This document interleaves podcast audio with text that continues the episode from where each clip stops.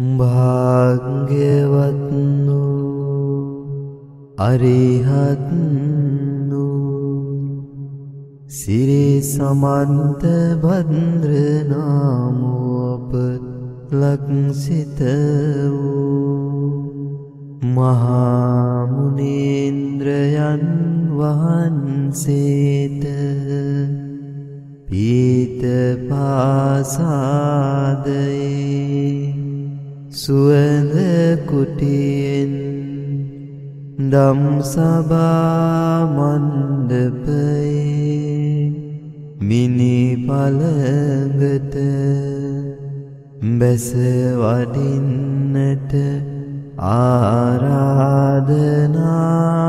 කරමි. සූදානම් වන්නේ අදත් තමන් තමන්ගේ ගැලවීම ගැන විමුක්තිය ගැන සොයා බලන්න. මිනිස්සු ජීවිතයේ බොහෝ දෙනෙක් අඩුවෙන්ම සොයන්නේ තමාගේ විමුක්තිය ගැන. හැබැයි ප්‍රඥාවන්ත මනුෂ්‍යයා ඥානවන්ත මනුෂ්‍යයා මේ ලෝකය තුළ ජීවත් වන විට ඔහු මේ ලෝකය තුළ ඇති ආශ්වාදයත් ආදීනවයත් නිස්සරණයත් පිළිබඳ ඉව වැටෙනෝ. ඒ ඉව වැටීමෙන් පස්සේ ඔවුන් ඔවුන්ගේ ජීවිත පිළිබඳව සොයන්න පටන් ගන්නවා. ජීවිත පිළිබඳව බලන්න පටන් ගන්නවා. මේ ඇවිල්ල ඉන්න හැම කෙනෙක්ම තමා ගැන සොයන්න පැමිණිච්චාය. මෙතෙක් කලක් ලෝකය පිළිබඳව සමාජය පිළිබඳව අනිකුත් ලෝකේ ජීවත්වෙන අනික් අය පිළිබඳව. හොයලා එවයින් විඩාවට පත් වෙලා ලෝකෙ මෙතනින් එහාට යමක් ඇද්ද. තියෙනවලන්ගේ මොකක්ද. එතෙන්ට අපි යන්නේ කොහොමද මේ ගැන සොයන්න ආපු අය. අපි මේ සාකච්ඡා කරන්නේ අතින් අල්ලන්න බැරි ඇහෙන් දකිින්ට බැරි කනින් අහන්න බැරි දහමක් පිළිබඳව. මොකක් ගැන සාකච්ඡා කර. අතින් අල්ලන්ඩ බැරි ඇහින් දකිින්ට බැරි කනෙන් අහන්න බැරි දහමක් පිළිබඳව.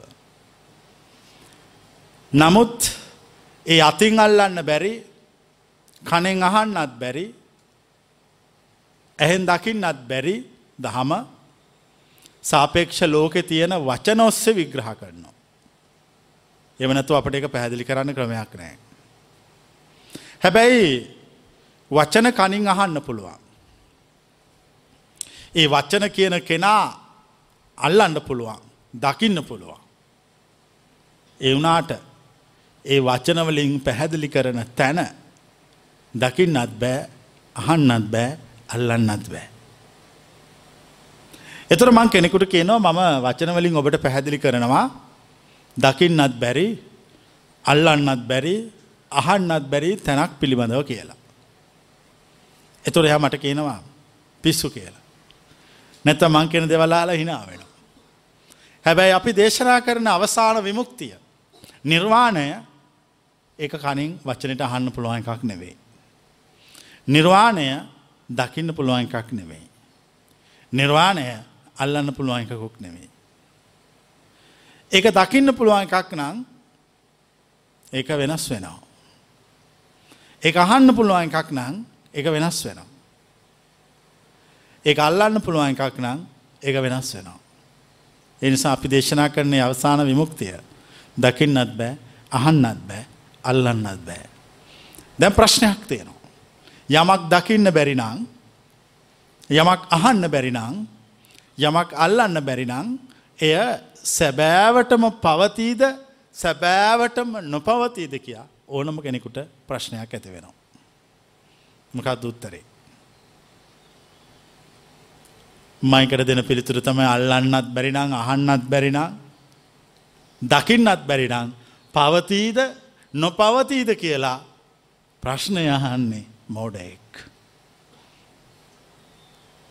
ඒ ප්‍රශ්නය අහන කෙනා මෝඩයි. නිර්වාණය කොති කොතනත් පවති. ඒ පවතීද නොපවතීද කියන ප්‍රශ්නය අහනකොටම ඒ අහන කෙනා ඒ මාර්ගය ප්‍රත්‍යක්ෂය ඒ අවබෝධය පිළිබඳ අදහසක් නතු ප්‍රශ්නහන. දැන් අපට අවශ්‍යයන කොහොමරි එතෙන්ට යන්න.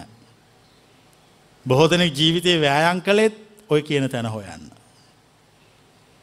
නමුත් දැන් අපට පේනවා අර මුලින් කරපු දේශනාව අනුව දකින්නත් බැරිනම් අහන්නත් බැරිනම් අල්ලන්නත් බැරිනම් දැන් වෑයන් කරන එක තේරුමක් තියෙනවාද. මොකද හිතෙන්නේ. දකින්නත් බැරි අහන්නත් බැරි අල්ලන්නත් බැරි දෙයක් වෙනුවෙන් වෑයන් කරන එක ප්‍රයෝජනවත්ද. ඔවු කියන තුස්සා. නෑ කියන තුස්සා. ඒක දකින්නත් බෑ එක අහන්නත් බෑ එක අල්ලන්නත් බෑ එකට වෑයන් කරනවා.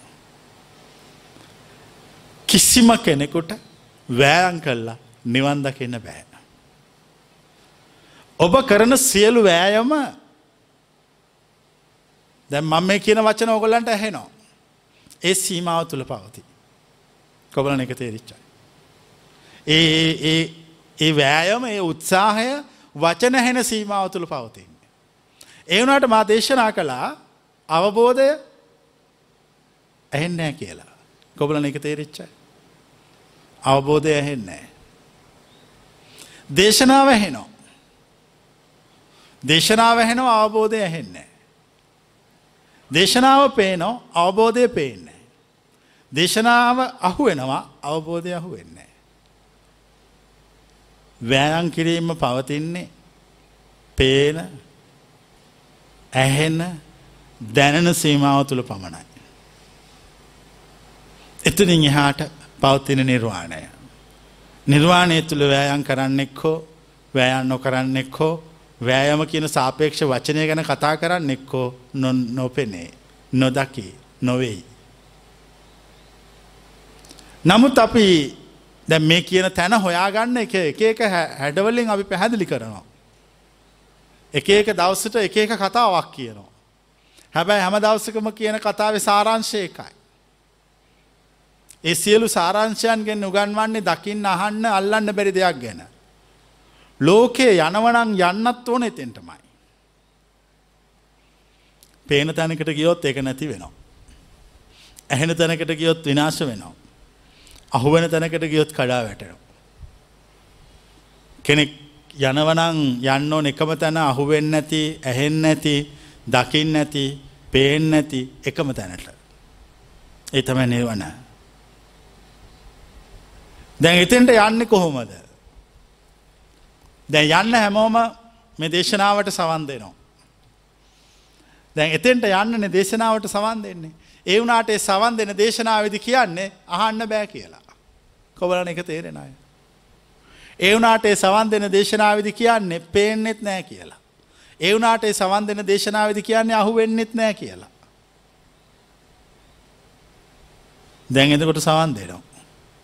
සවන් දෙන්නේ සවන් දෙන්න බැරි එකක් හොයන්න. බලාගෙන ඉන්නේ පේන නැති එකක් සෙවීම පිණිස. නිවන හරි අමුතුයි. ඒක භෞතික ලෝකයේ තුළ සොයන කෙනෙකුට කිසි දවසක හමුවෙන්නේ. අපි හැමම පුරුදු වෙලා තියෙන්නේ මේ සසර තුළ භෞතිකව යමක් සොයන්න. කොබලන එක පැහැදිලි අය භෞතිකව සොයනවා.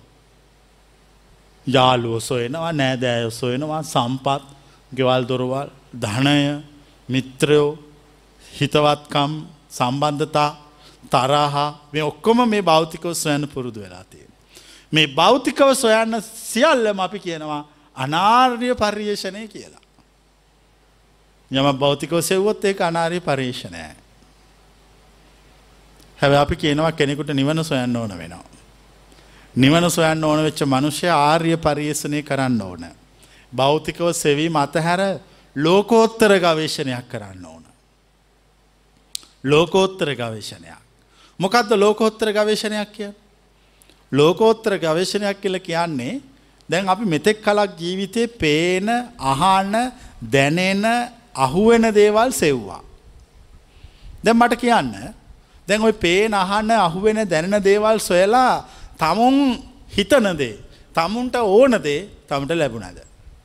නෑ කවදාකත් හම් වෙන්නේ ඕන දේ හම් වෙන්නේ සමාජ සම්මතය තුළ තියෙන දේ හම්බ වෙන කොබලන එක තේරෙන අය.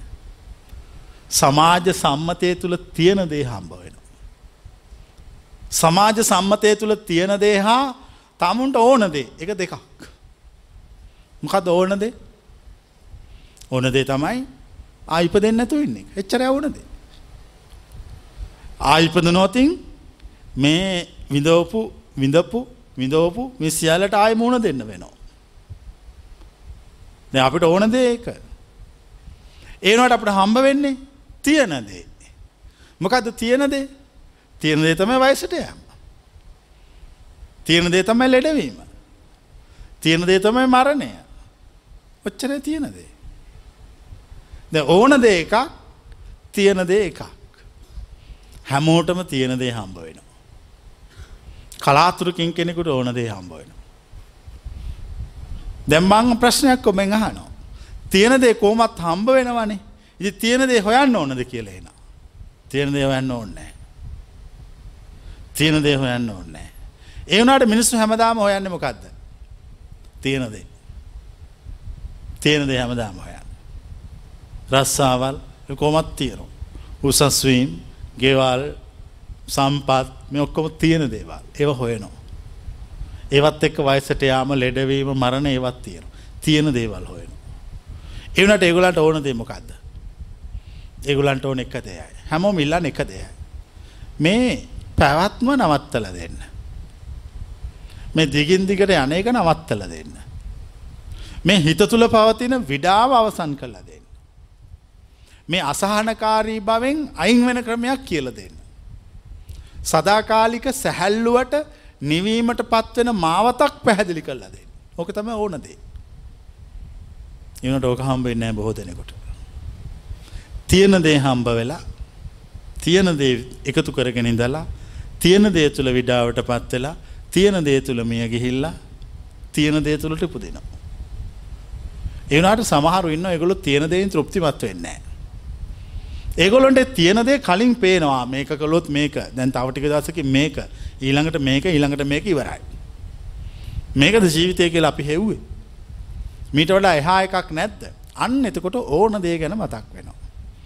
දැන් මේ ඇවිල්ලා ඉන්නේ තියෙන දේ හොයන අයද ඕන දේ හොයන අයද? ඕන දේ හොයන අය.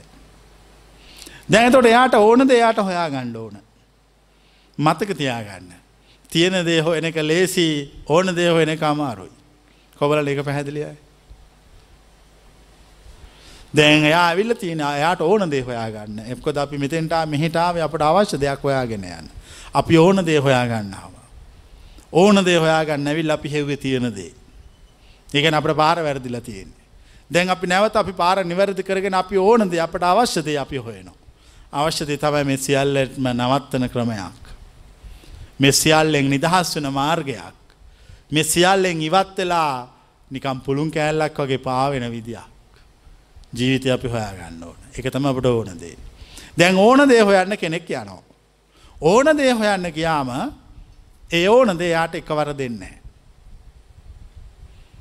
ඕනද එකවර දුන්නොත් එක තියෙන දේ වෙනවා. කොවලන එක පැහැදිලි අය. ඕන දේ එකවර හම්බ වෙන්නේ. එකට මහන්සි වෙන්න ඕන. කැපකිරීම් කරන්න ඕන. ඒකට පුදුමාකාර කැපකිරීම් ජීවිතය කරන්න ඕන. ජීවිතය කෙනෙක් පුදුමාකාර කැපකිරීම් කොළොත් ඒ පුදුමාකාරවල කැපකිරීම්වල ප්‍රතිඵලයක් ලෙස ඔවුට ඕන දේ හම්බ වෙනවා. දැන් කෙනෙකුට තියෙන දේ හම්බ වුණාම පැවැත්මක් තියෙනවා. තියෙන දේ තුළ පැවැත්මක් තියෙනවා. ගෙවල් දොරවල් දූදරුවෝ යාළු මිත්‍රයෝ හිතවත්කං ඥාතීන් ලෙඩවීම වයසට යෑම මරණය මෙ සියල්ල තුළ පැවැත්මක් තියෙනවා. තියෙන දේ නිසා. ඕන දේ හම්බ වෙනවා. මංආන ඕන දේ හම්බුනාම් පැවැත්මක් තියෙනවද කියලා. ඉවරයි. එතකොට මේ පැවැත්ම තියෙන ජීවිතයේ අපට ඕනදේ හමු නොවන තාකල්. අපට ජීවිතයේ ඕනදේ හමු වුණා. ඕන දේ හමු වුණා. දැන් ඕන දේ හමුවෙල ඉවර වුණාම ඊට පස්සේ අපිට මොකක් ගැනද කතා කරන්න තියෙන්නේ? කතා කරන්න දෙයක් නැහැ. ඊට පස්සේ අපිට මොනවද හොයන්න තියෙන්නේ? හොයන්න දෙයක්වත් නැහැ. ඊට පස්සේ මොනවා ගැනද අපිට සාකච්ඡා කරන්න තියෙන්නේ? සියල්ල අවසන්. ආත්මය තෘප්තිමත් වුණා. කොබලන්නේ වචන පැහැදිලි යතුස්සන් ආත්මය තෘප්තිමත් වුණා. දැන් ආත්මය තෘප්තිමත් වෙච්ච කෙනෙකුට මොනවද කරන්න ඕන එහෙම එකක් නෑ. ආත්මය තෘප්තිමත් වූවෙකුට මරණය ගැන තියෙන අදහස එහෙමයකුත් නෑ. ඕගොල්ලන්ගේ හිත දුවන්නේ ජීවිතයේ ඉටු නොවෙච්ච දේවල් තවම තියෙන නිසා එක පැහැදිලේ ඇත උසන්. මේ හිත දුවන්නේ ජීවිතයේ ඉටු නොවෙච්ච දේවල් තියෙන නිසා. මේ හිත එක්කෝ අනාගතයට දුවල කියනවා මේවා ඉටු කරගන්න කියලා. ඊට පස්සේ අතීතයට දුවලා ඒ අතීතයේ සිද්ධියක් පෙන්නල කියනවා එක්කො මේ වගේ වෙන්න එක්කො මේ වගේ වෙන්න එපා. මේ වගේ වෙන්න කියලා අනාගතයට විල පෙන්න්නනවා. ඒ කියන්නේ මේ දෙපැත්තේ මේ සිත පවතින්නේ ඉට්ටු වෙලා මේ ගමන අවසන් නැති නිසා. තියෙන දේ හම්බෙන නිසා. එතකොට සිත අනාගතයට යනවා එක්තර අවස්ථාවක ආය අතීතයට යනවා ආය වර්තමානයට එනවා ආය අනාගතයට යනවා මෙහෙම මේ දුවදුව ඉන්නේ එයාට ඕන දේ හම්බෙලා නෑ. තියෙන දේවල් එයාට හම්බ වෙනවා. තියෙන දේ හම්බෙන කාම මේ සිත මෙහෙට මෙහෙට දුවනවා. කෙනෙකුට ඕන දේ හම්බ වෙනවා. ඉගැන් නිවන නිවන හම්බ වෙනවා. එතොට සිත නවතිනවා. සිත ඉවරයි. සිත ඔහු සිතෙන් නිදහස් වෙනවා සිත ඔහුගෙන් නිදහස් වෙනවා. දෙන්න දෙන්නගෙන් නිදහස් වෙනවා. මේ දෙන්න දෙන්නගෙන් නිදහස් නොවන තාක් තමයි සසර පැවැත්ම පවතින්නේ. ඔබත් සිතත්. මේ දෙන්න අතර අන්‍යෝන්‍ය සම්බන්ධයක් පවතිනවා. මේ දෙන්න දෙන්නාව සතුටු කරවනවා. සිත ඔබ සතුටු කරවන ඔබ සිත සතුටු කරවන මේ දෙන්න දෙන්නාව සතුටු කරවනවා. මේ තාක් මේ සසර පවතිනවා. ඒ තාක් තියෙන දේ මෙ දෙන්න බෙදාගන්නවා. සිතයි තමනුයි කොබල මෙව තේරෙන අය. මෙදන්න බෙදාගන්නවා. දැම්මං කියනවා මෙහෙම. තියෙන දේ දෙන්න එපා ඕන දේ දෙන්න කියල සිතට. සිත හැමතිස්සෙම කැමති තියෙන දෙයින් සතුටුවෙන්. තියෙන දෙයින් සතුටුවෙන්. ගෙවල් වලින් ළමයින්ගෙන් ධනයෙන් තරුණකම වූ නිරෝගි බව මේවැන් සිත සතුටු වෙන. ඉරිපස් අප සිතට කියනවා දැන් ඔය ඔයා සතුටුනා වගේම ඔයට යම්දස්සක දුක් වෙන්න වෙනවා. වයසට යාම ජරාව මරණය ලෙඩවීම බලාපොරොත්තු බිඳ වැටීම පශ්චත්තාපය වෛරය කෝපය කාමය ඊර්ෂියාව නොයකුත් දේවල් නිසා උඹට දුක් වෙන්න වෙනවා කියලා උඹ අපි සිතට කියනවා. අන්න එතකොට සිත අපිට කියනවා දැන් උඹ මෙච්චර කලක් කෙව්වේ තියෙන දේනේ. උඹට දුක් වෙන්නත් උඹ අකමැති නම් වයසට යන්නත් අකමැති නම් මැරෙන්නත් අකමැති නම් කෙටියෙන්ම කිව්වොත් මේ තියෙන එක දෙයකටවත් අකමැති නම් උඹ හොයපන් ඕන දේ කියලා සිත අපට කියනවා. ඊට පස්සේ අපි සිතට කියනවා දැන් අපි ඕන දේනේ හොයන්න ඕන අපි ඕන දේ හොයනවා. දැන් ඔන්න අපි තීරණය කළා ඕන දේස් අපට අවශ්‍යදේ හොයලා හිතට දෙන්න. ඕන දේ හොයන්න ලෑස්ත් වෙනකොට තියෙන දේවල් අතාරෙන්න්න ඕන කොබලන එක තේරෙනයි. මික මහා පටල වෙල්ලා. තමුන්ට ඕන දේ හොයාගණ්ඩ අවශ්‍ය කෙනා තියෙන දේ අතාරෙන්න්න ඕන. තියෙන දේ අත අරින් නැති කෙනාට ඕන දේ හම්බ වෙන්න. දැන් තමුන් තීරණය කරන්න දෙකින් එකක්. ඕන දේවල් එක්ක තියෙන දේවල් එක්ක ජීවත් වෙනවද තියෙන දේවල් එක්ක ජීවත් වෙනවද තමුන්ට අත්‍යවශ්‍ය වූ උවමනා වූදේ සොයා ගන්නවද. තියෙන දේවල් එක්ක ජීවත් වෙන්න එක හොඳයි කියෙන තුස්සන්න. නෑමං ඕන දේ හොයාගන්නවා කෙන ඇතුත්සන්න. අකමැති වුනත් කරන්න වෙන්න දෙවනි එක. සිතක සිත හැමතිස්සම කියන තියෙන දේව යන්න කියලා. එක තම සිතේ මෝටිවේෂන් එක පෙළඹවීම. මයකට ගැන සංසාරය කියලා. සිත හැමතිස්සම කියන තියෙන දේ හොයාගෙන තියෙන දේ හොයාගෙන කෙටියෙන් ඉවර කරගන්න කියලා. සිත හැමතිස්සම කියන්නේ පොඩියට නිවන් දකින්න කියලා. හොඳට වතුර පිපාසාවෙන් ඉන්න මිනිස්සෙක් කුට වතුර බිව්වාම කියන්නේ මොකක් වුණාක වගේ කියලා. නිවන් දැක්කා වගේ කියලා. ඒ කියන්නේ මේගොල්ලෝ හැමෝම කෙටියෙන් නිවන් දකින්න හොයනවා. මේගොල්ලෝ මේ නිවන හොයන්නේ තියෙන දේ ඔස්සේ. කොබලන්න මේ පැහැදිලි අය. එතකොට ඒගොල්ලෝ සාපේක්ෂ අදහසක තුල ඒගොල්ලෝ ඉන්නවා වතුර පිපාසයෙන් ඉඳලා ඉඳලා වතුර බිව්වහම දැනෙන එක තමයි නිවන තුල ඇත්තේ නා. එහෙම එකක් නිවනේ නෑ. එතන සාපේක්ෂ වින්දනයක් පවතින්නේ.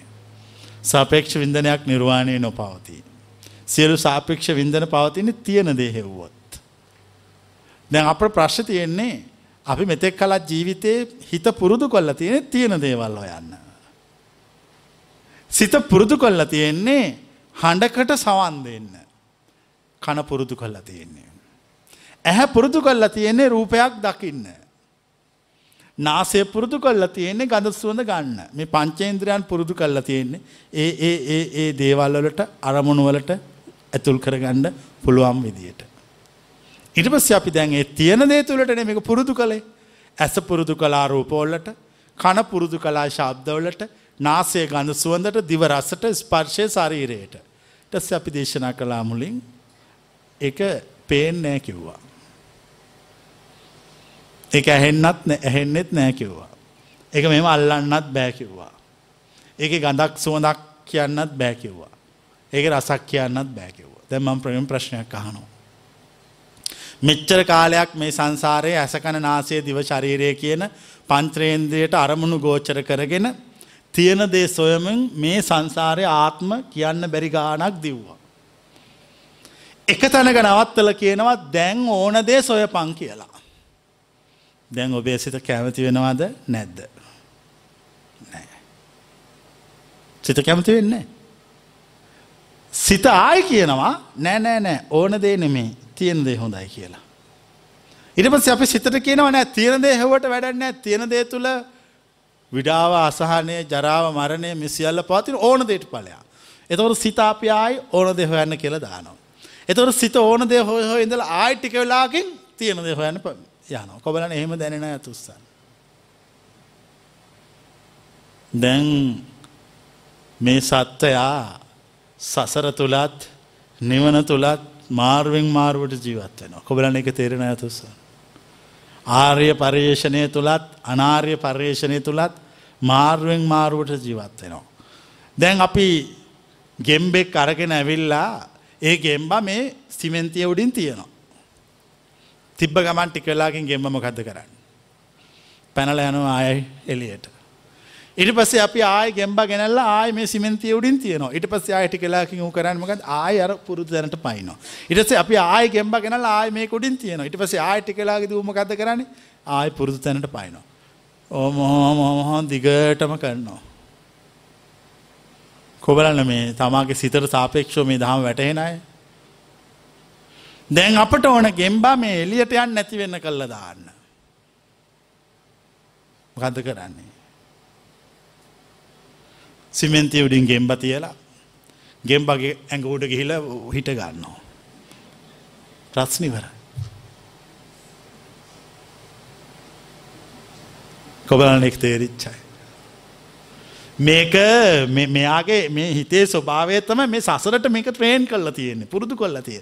එතොට යා කරන්න හැමදස්සම මේක ලෝකෝත්තර මාර්ගය නිර්වාණ මාර්ගය හොයන්න කළ මෙතැන දැම්ම පොඩ්ඩක් එතරතිලා අතෙන්ට පයිනවා. ඊටසේ ආ එතනින් ගෙනලා තිබා ආ මෙහෙම මෙහෙම පයින් අපිට මේක හොයලා ඉවර කරන්න කරන්න තියෙන ලේසි විදි තමයි ගෙම්බ මරණ එක. ගෙම්බ මරනවා කියන්නේ මොකක්ද? මම අහන්නේ ගෙම්බ මරනවා කියන්නේ මොකක්ද කියලා. ගෙම්බ මරනවා කියන්නේ තමාගේ සිත මරා දැමීම. කොබලන එක තේරෙන අය. දැන් මෙතන තියෙන ප්‍රශ්නය ගෙම්බ මරන්න බයයි. කවලන ගෙම්බ මරන්න බයයි කියල තේරෙන අය. ගෙම්බ මරන්න බයයි. මොකද මේ ගෙම්බ තුළ බොහෝ දේ තියෙනවා. ආශ්වාදය විඳින්න ගෙම්බා. ආදීනය විඳින් නෙත් ගෙම්බා.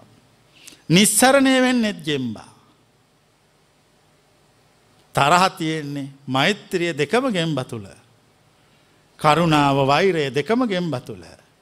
රාගය විරාගය දෙකම ගෙම්බ තුළ. මේ සියල්ලම මේ ගෙම්බහෙවත් සිත තුළ පවතිනවා. එතකොට කෙනෙක් මේ විශ්වයට ඇතුල් වෙනකොට මේ විශ්වයට ඇතුල් වෙනකොට මේ විශ්වයේ මානවලට ඇතුල්ලුනයින් පස්සේ එයාට සිත කියන හැඩතලය නිර්මාණය වෙනවා. මේ විශ්වයට සාපේක්ෂව. ඉට පස් එයා මේක කොතන ගිල්ල ඉපදුනත් මේ මූල්ලික හැඩයකුත් එක්ක තමයි යන්නේ.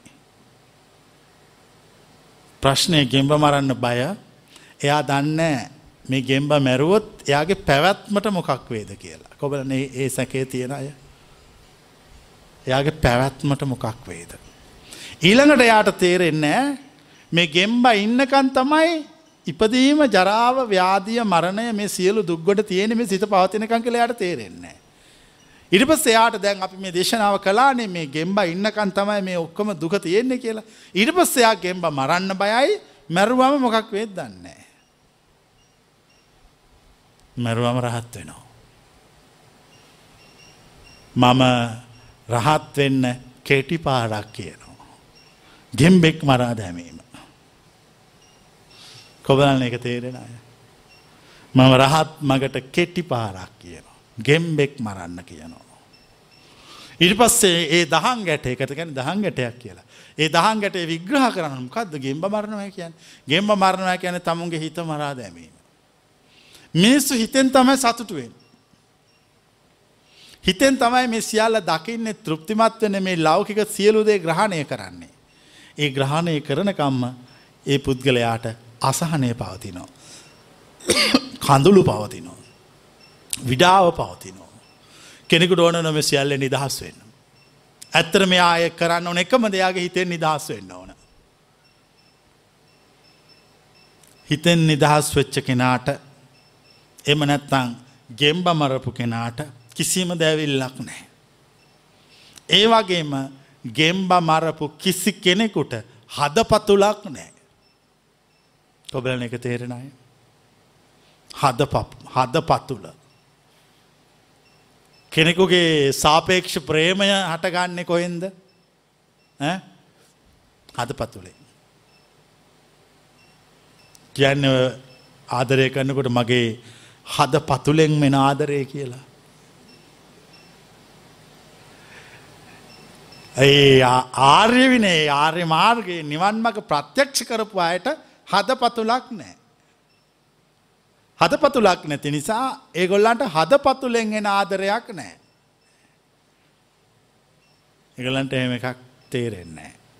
සාපේක්ෂ ආදරයක් හැදෙන්නේ. හද පතුලක් නෑ. ඒ වගේම ආදරය නැත්තම් යම් තැනක ඊළඟක හරි ලේසි. වෛරය නෑ. එක ළඟන තියෙන දෙකම. දැන් කෙනෙක් ආදරය කල්ල කල්ල කල්ල කල්ලා ඊට පස පොඩ්ඩ එහෙම වෙච්ච ගමන් කරන්න මොකක්ද. වෛරය දෙකම එක ළඟ තියෙන කිසි එතකොට දැන් කෙනෙක් හදපතුල විනාස කරහම සාපේක්ෂ ප්‍රේමය නැත්තං හදපතුල විනාස කරපු ආර්යන් වහන්සේලාට සාපේක්ෂ වෛරේ නෑ. එතකොට කෙනෙකුට කාමය හටගන්නේ සාපේක්ෂ කාමය හටගන්නේ හදපතුලෙන්න්නම් ආරයන් වහන්සේලාට සාපේක්ෂකාමය නෑ. කිසිම සාපේක්ෂකාරණයක් නෑ කොබලන ඒ දහම තේරෙන අය. දැන් ආය ප්‍රශ්නයක් තියෙනවා. මෙච්චර කාලයක් හදපතුලෙන් ආදරය කල්ලා මේ ගොල්ලු බයයි හදපතුල බිඳෙනවට. බයත් තියෙනවා. බයත් තියෙන. බයනෙමේ සසර ඔබෝ බය කල්ලා තියෙන. සසර ඔබෝ බය කල්ලා තියල තියෙනවා හදපතුල බිඳ ගන්න එපා. ඒක බිඳුනොත් ප්‍රේමය නෑ වෛරය නෑ කාමය නෑ කිසිවක් නෑ. එය සාපේක්ෂ මුකුත් නෑ. සාපේක්ෂව ගොඩ නැගෙන කිසිම හැඩතලයක් නෑ. නිරපේක්ෂය විතරයි පවතින්නේ. දැන් අපි කළයුතු ඥානවන්තම වැඩේ තමයි කෝමහරි මේ හද පතුළ බිඳන්න ඕන එම නැත්තම් ගෙම්බ මරන්න ඕන. ප්‍රශ්නය තමයි මේ සසර පැවැත්මට කෑදරකමින් අහුවෙලයින මිනිස්සු තමන්ගේ හිත විනාස කරගණ්ඩ බයයි. හැමතිස්සම ඒගොල හිත හදනෝ. හිත හදනෝ. ඒ හිත හදන්න ඒගොල උදව් කරගන්න මේ ලෝකය. මේ ලෝකෙ තියෙන දේවල් වලින් ඒගොල්ලෝ මෝටිවේට් වෙනවා. ඒගොල්ලෝ මේවා දකින්නෝ. ඒගොල්ලන්ට දැන් කාට හරි කෙනෙකුට ලස්සනට හොඳ අන්නාසි ගෙඩියක් හොඳට කපලා ඒකට ලුණු දාලා පිඟානක තියලා පෙන්නුවොත් ඒගොල්ලන් කටට මොකක් දෙන්නේ ඈ කෙල ගොල්ලන් එහෙම වෙන තුස්සන්න. අත උස්සන්න. ඊට පස්සේ ඒ තව පිඟානක් ඒ ජාතියම පිඟානක් අරගෙන කුණු වෙච්ච බල්ලෙක් මරලි වෙල්ලේ පිඟානේ තිබ්බොත් කොබලන් කෙලවුණනවද නැද්ද? දැන් මට ප්‍රශ්නයක් තියෙනවා. මේ අන්නාසි ගෙඩියකට කෙල උනන්නත් මේ බලු පිඟානට කෙල උනානේ නැති වෙන්නත් හේතුව මොකද්ද? පුරුද්ද විතරයි. කොබලන එක පැහැදිලි අය. පුරුද්දක් තියෙන්නේ. ඒ පුරුද්ද කොහොමද ඇති වුණේ? කවදාද ඉඳලාද මේක සංවර්ධනය කළේ? ඒක අපි මෙහෙට ආවන් පස්සේ සංවර්ධනය කළා මෙහි තියෙන කෑම පෙන්නලා. අපි වෙන විශ්වයකට යනවා. එහෙ තියෙන කෑම මොකද්ද? කුණු වෙච්ච බල්ලන්ගේ බලු මස් තමයි රසවත්ම කෑම. එතකොට මේ අය hina වුණාට මේගොල්ලෝ ගිහලා එහෙ ඉපදුනොත් මේගොල්ලන්ට කෙලවුණන්නේ ආයේ මොකක්ද දැක්කහම. ඈ බලු මස් දැක්කාම. දැන් ඉතින් දැන් මං අහන්නේ මේ සිස්ටම් එක මේ හදලා තියෙන විදිය ඇත්තටම තියෙන එකක්ද බොරුවක්ද කියලා. මේක බොරුවක්. අවස්ථාවට සාපේක්ෂව කරන පෙළඹවීමක්. කොබලන එක පැහැදිලි අය. අවස්ථාවට සාපේක්ෂව කරන පෙළඹවීමක්. දැන් අවස්ථාවට සාපේක්ෂව පෙළඹවීම ප්‍රත්‍යක්ෂ කළාම එයා මේ සිස්ටම් එකෙන් නිදහස්. සිස්ටම් එකෙන් නිදහස්. දැන් ආය අපි අන්නාසි ගෙඩිය කපලා බලුමස්මි ගානය දෙක ගේනවා. දැන් එයා මේ පද්ධතිය නිදහස්. දැන් ආයි අන්නාසි පෙන්නනවා. අමුතු ලෝභයක් ඇති වෙන්නේ. ආයි බලු මස් පෙන්නනවා. අමුතු පිළිකුලක් ඇති වෙන්නෙත් නෑ. ඔහුට ඇතිවන හැඟීම් දෙකම ආසන්නව සමානයි. ආසන්නව සමානයි. කොබලන එක පැහැදිලි අය. ඔහු රහතෙක්. ඔහු රහතෙක්. දැම් මේ හැමෝම මාළු උයල කනෝ.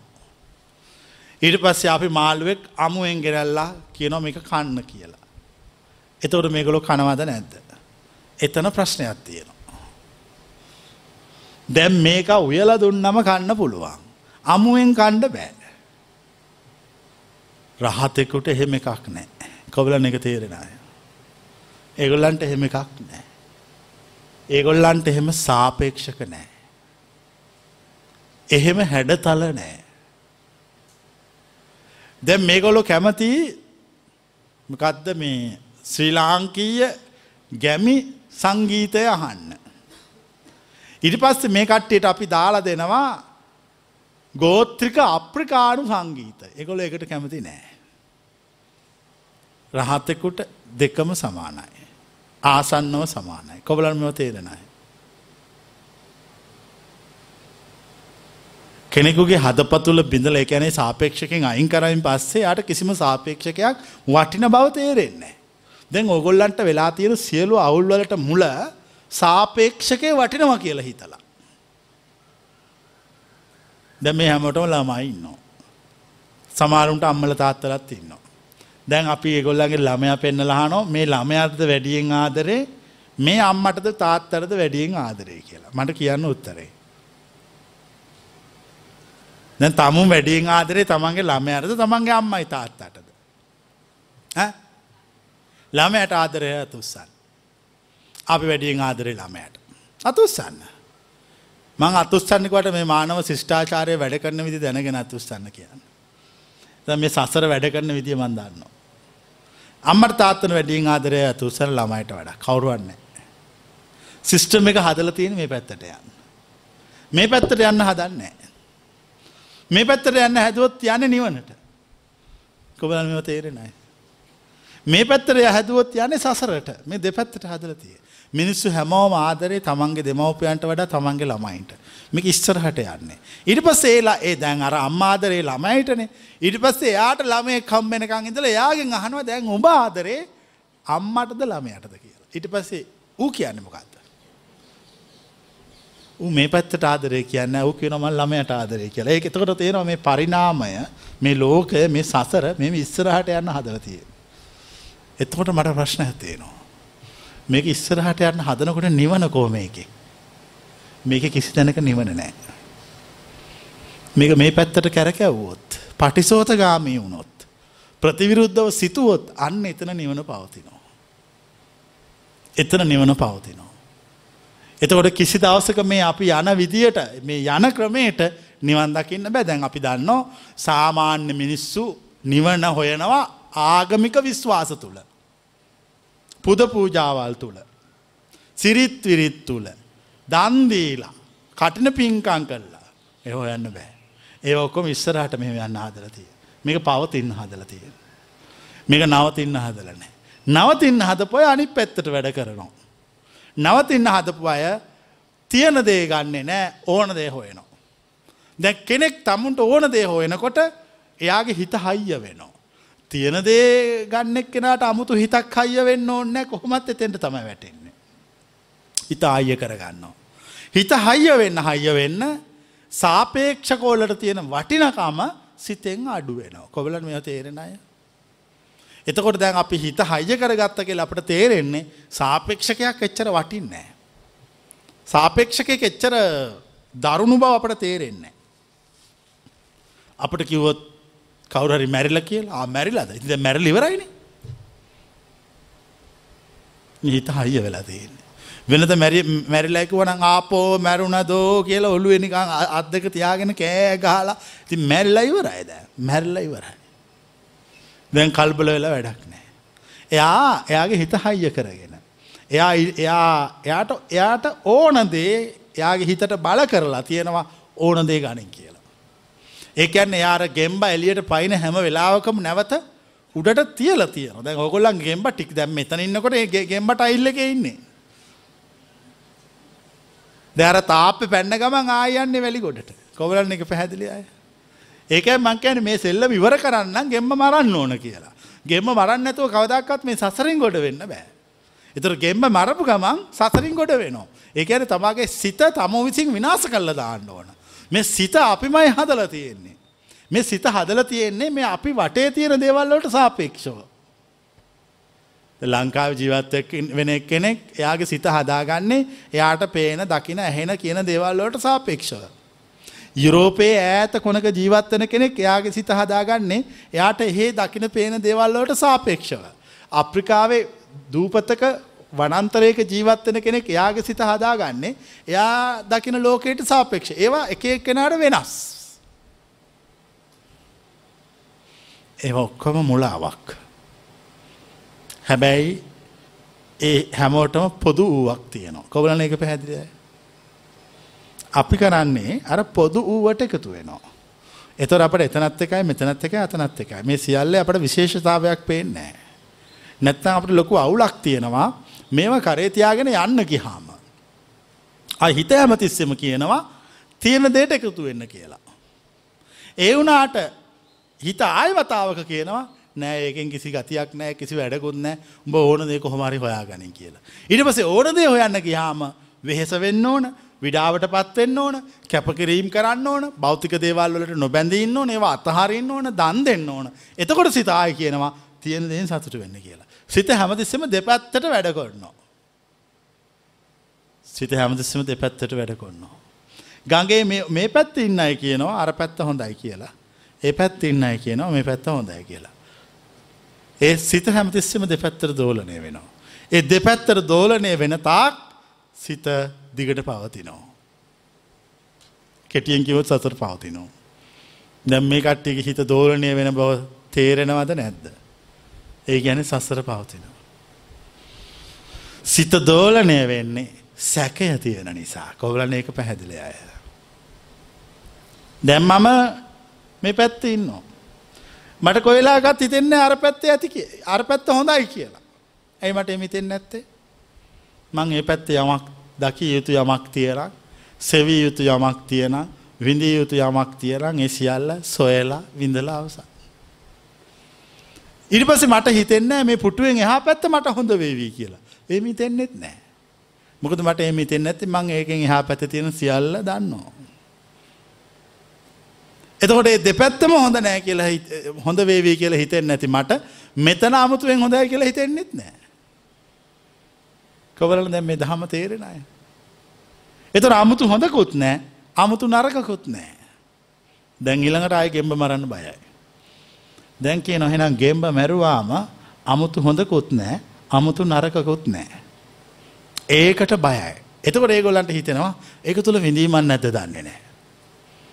මොකද මේගොලු විඳින්න පුරුදු කරලා තියෙන එක හොඳයි කියන කෑල්ලට හිත පුරුදු කරවලා එක පැහැදිලය තුස්සන් මේක හොඳයි ආ එනම් එතන විඳින්න පුළුවන්